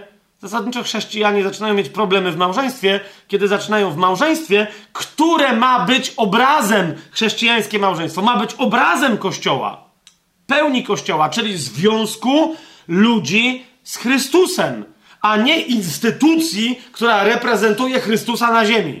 Wiecie o co mi chodzi? To jest to. Jeżeli ktoś mi mówi, to jest, bo to jest, nieważne czy to będzie Kościół katolicki, czy jakikolwiek inny protestancki, jeżeli to coś tu jest oderwane, ono, ode, ono reprezentuje Chrystusa, ale w oderwaniu od Niego, a bez jedności z Nim, o uobecnionej, to to jest nonsens. To jest nonsens. To nie jest żaden Kościół. Nie? Więc jeżeli ty myślisz o czymkolwiek w kościele, ale w ogóle w swoim życiu, jeżeli twoje życie jest życiem Chrystusa, to twoje życie jest życiem Kościoła. Rozumiesz? Jeżeli twoje życie jest, ktoś powie, nie, nie, ale moje życie jest życiem tylko głowy, to głowa myśli tylko i wyłącznie o swoim ciele.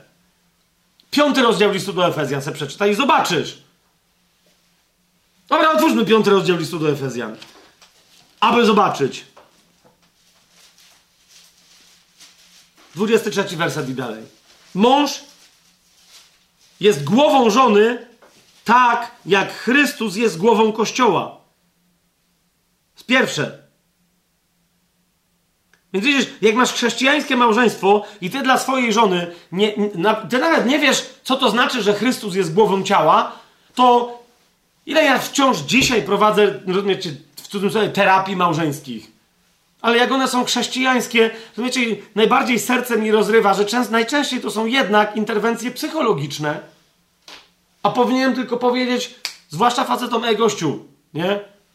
Być może, że jest źle, bo nie myślisz tak jak Chrystus o Kościele. A to jest dokładnie to, co jedyne, co usprawiedliwia fakt, że jesteś w związku małżeńskim. Masz być obrazem tego, jak Chrystus jest głową dla, dla swojego ciała. No to rządzę. No to nie wiesz o co chodzi. Kompletnie.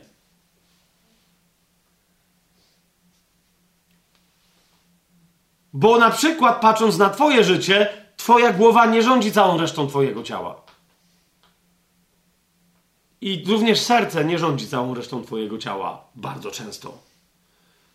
Są to rzeczy znajdujące się raczej w niższych partiach ziemi, że tak powiem, no nie? Na przykład żołądek. No i jeszcze inne sprawy, do których podążają Twoje stopy. Żona, 24 werset, jak więc Kościół poddany jest Chrystusowi, tak też żony swoim mężom we wszystkim. Jak jest Kościół poddany Chrystusowi? No właśnie. Kapujesz, jeżeli ty jesteś w chrześcijańskim małżeństwie, dziewczyno, to, to, to, to samo się tyczy żon. E, coś tam. Zawsze my jako chrześcijanie mamy problemy w małżeństwach, kiedy w tych małżeństwach nie myślimy jak Chrystus i nie myślimy jak żona Chrystusa.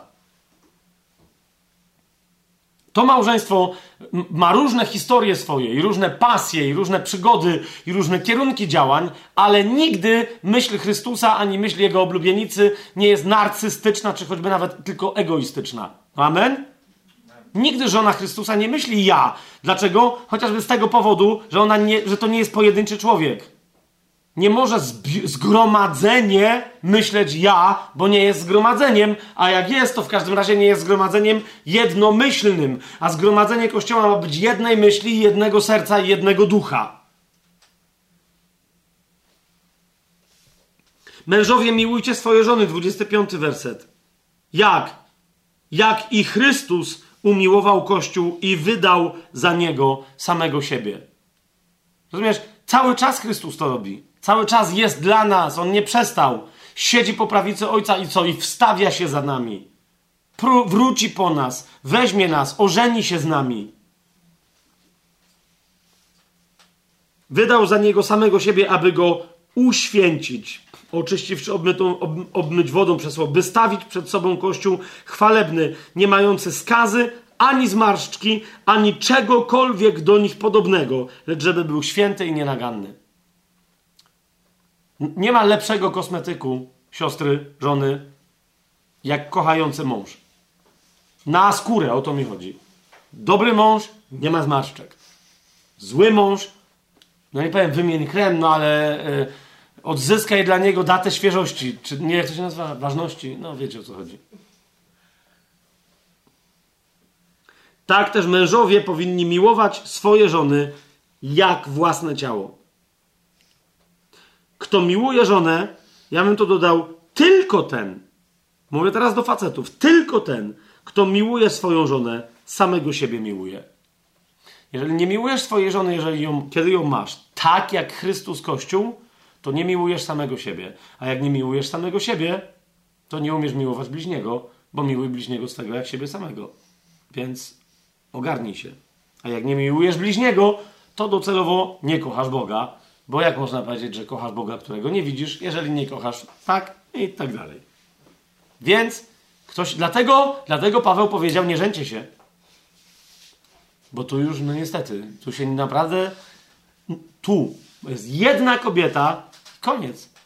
I od tej relacji z nią wszystko w Twoim życiu duchowym zależy. A związek nie jest duchowy. Żebyś ty jeszcze coś z tego w niebie potem miał. Rozumiesz? No ale ona umrze albo ty umrzesz i koniec po robocie. Spotkacie się, ciesz się jak cię pozna. Pewnie, że cię pozna, ale wiesz o co chodzi. Nikt bowiem nigdy, 29 werset, nie miał w nienawiści swojego ciała, ale je żywi i pielęgnuje, tak jak Pan Kościół, gdyż jesteśmy członkami Jego ciała, z ciała Jego i z kości Jego. Przypominam wam, że to jest coś, co powiedział Adam na widok Ewy. Wyjętej z jego boku. Nie? Ewa nie była Adamem, tym, znaczy kobieta nie była mężczyzną. Kościół nie jest Chrystusem, ale Kościół jest wyjęty z jego boku na krzyżu. Dlatego ten. Tylko rozumiecie?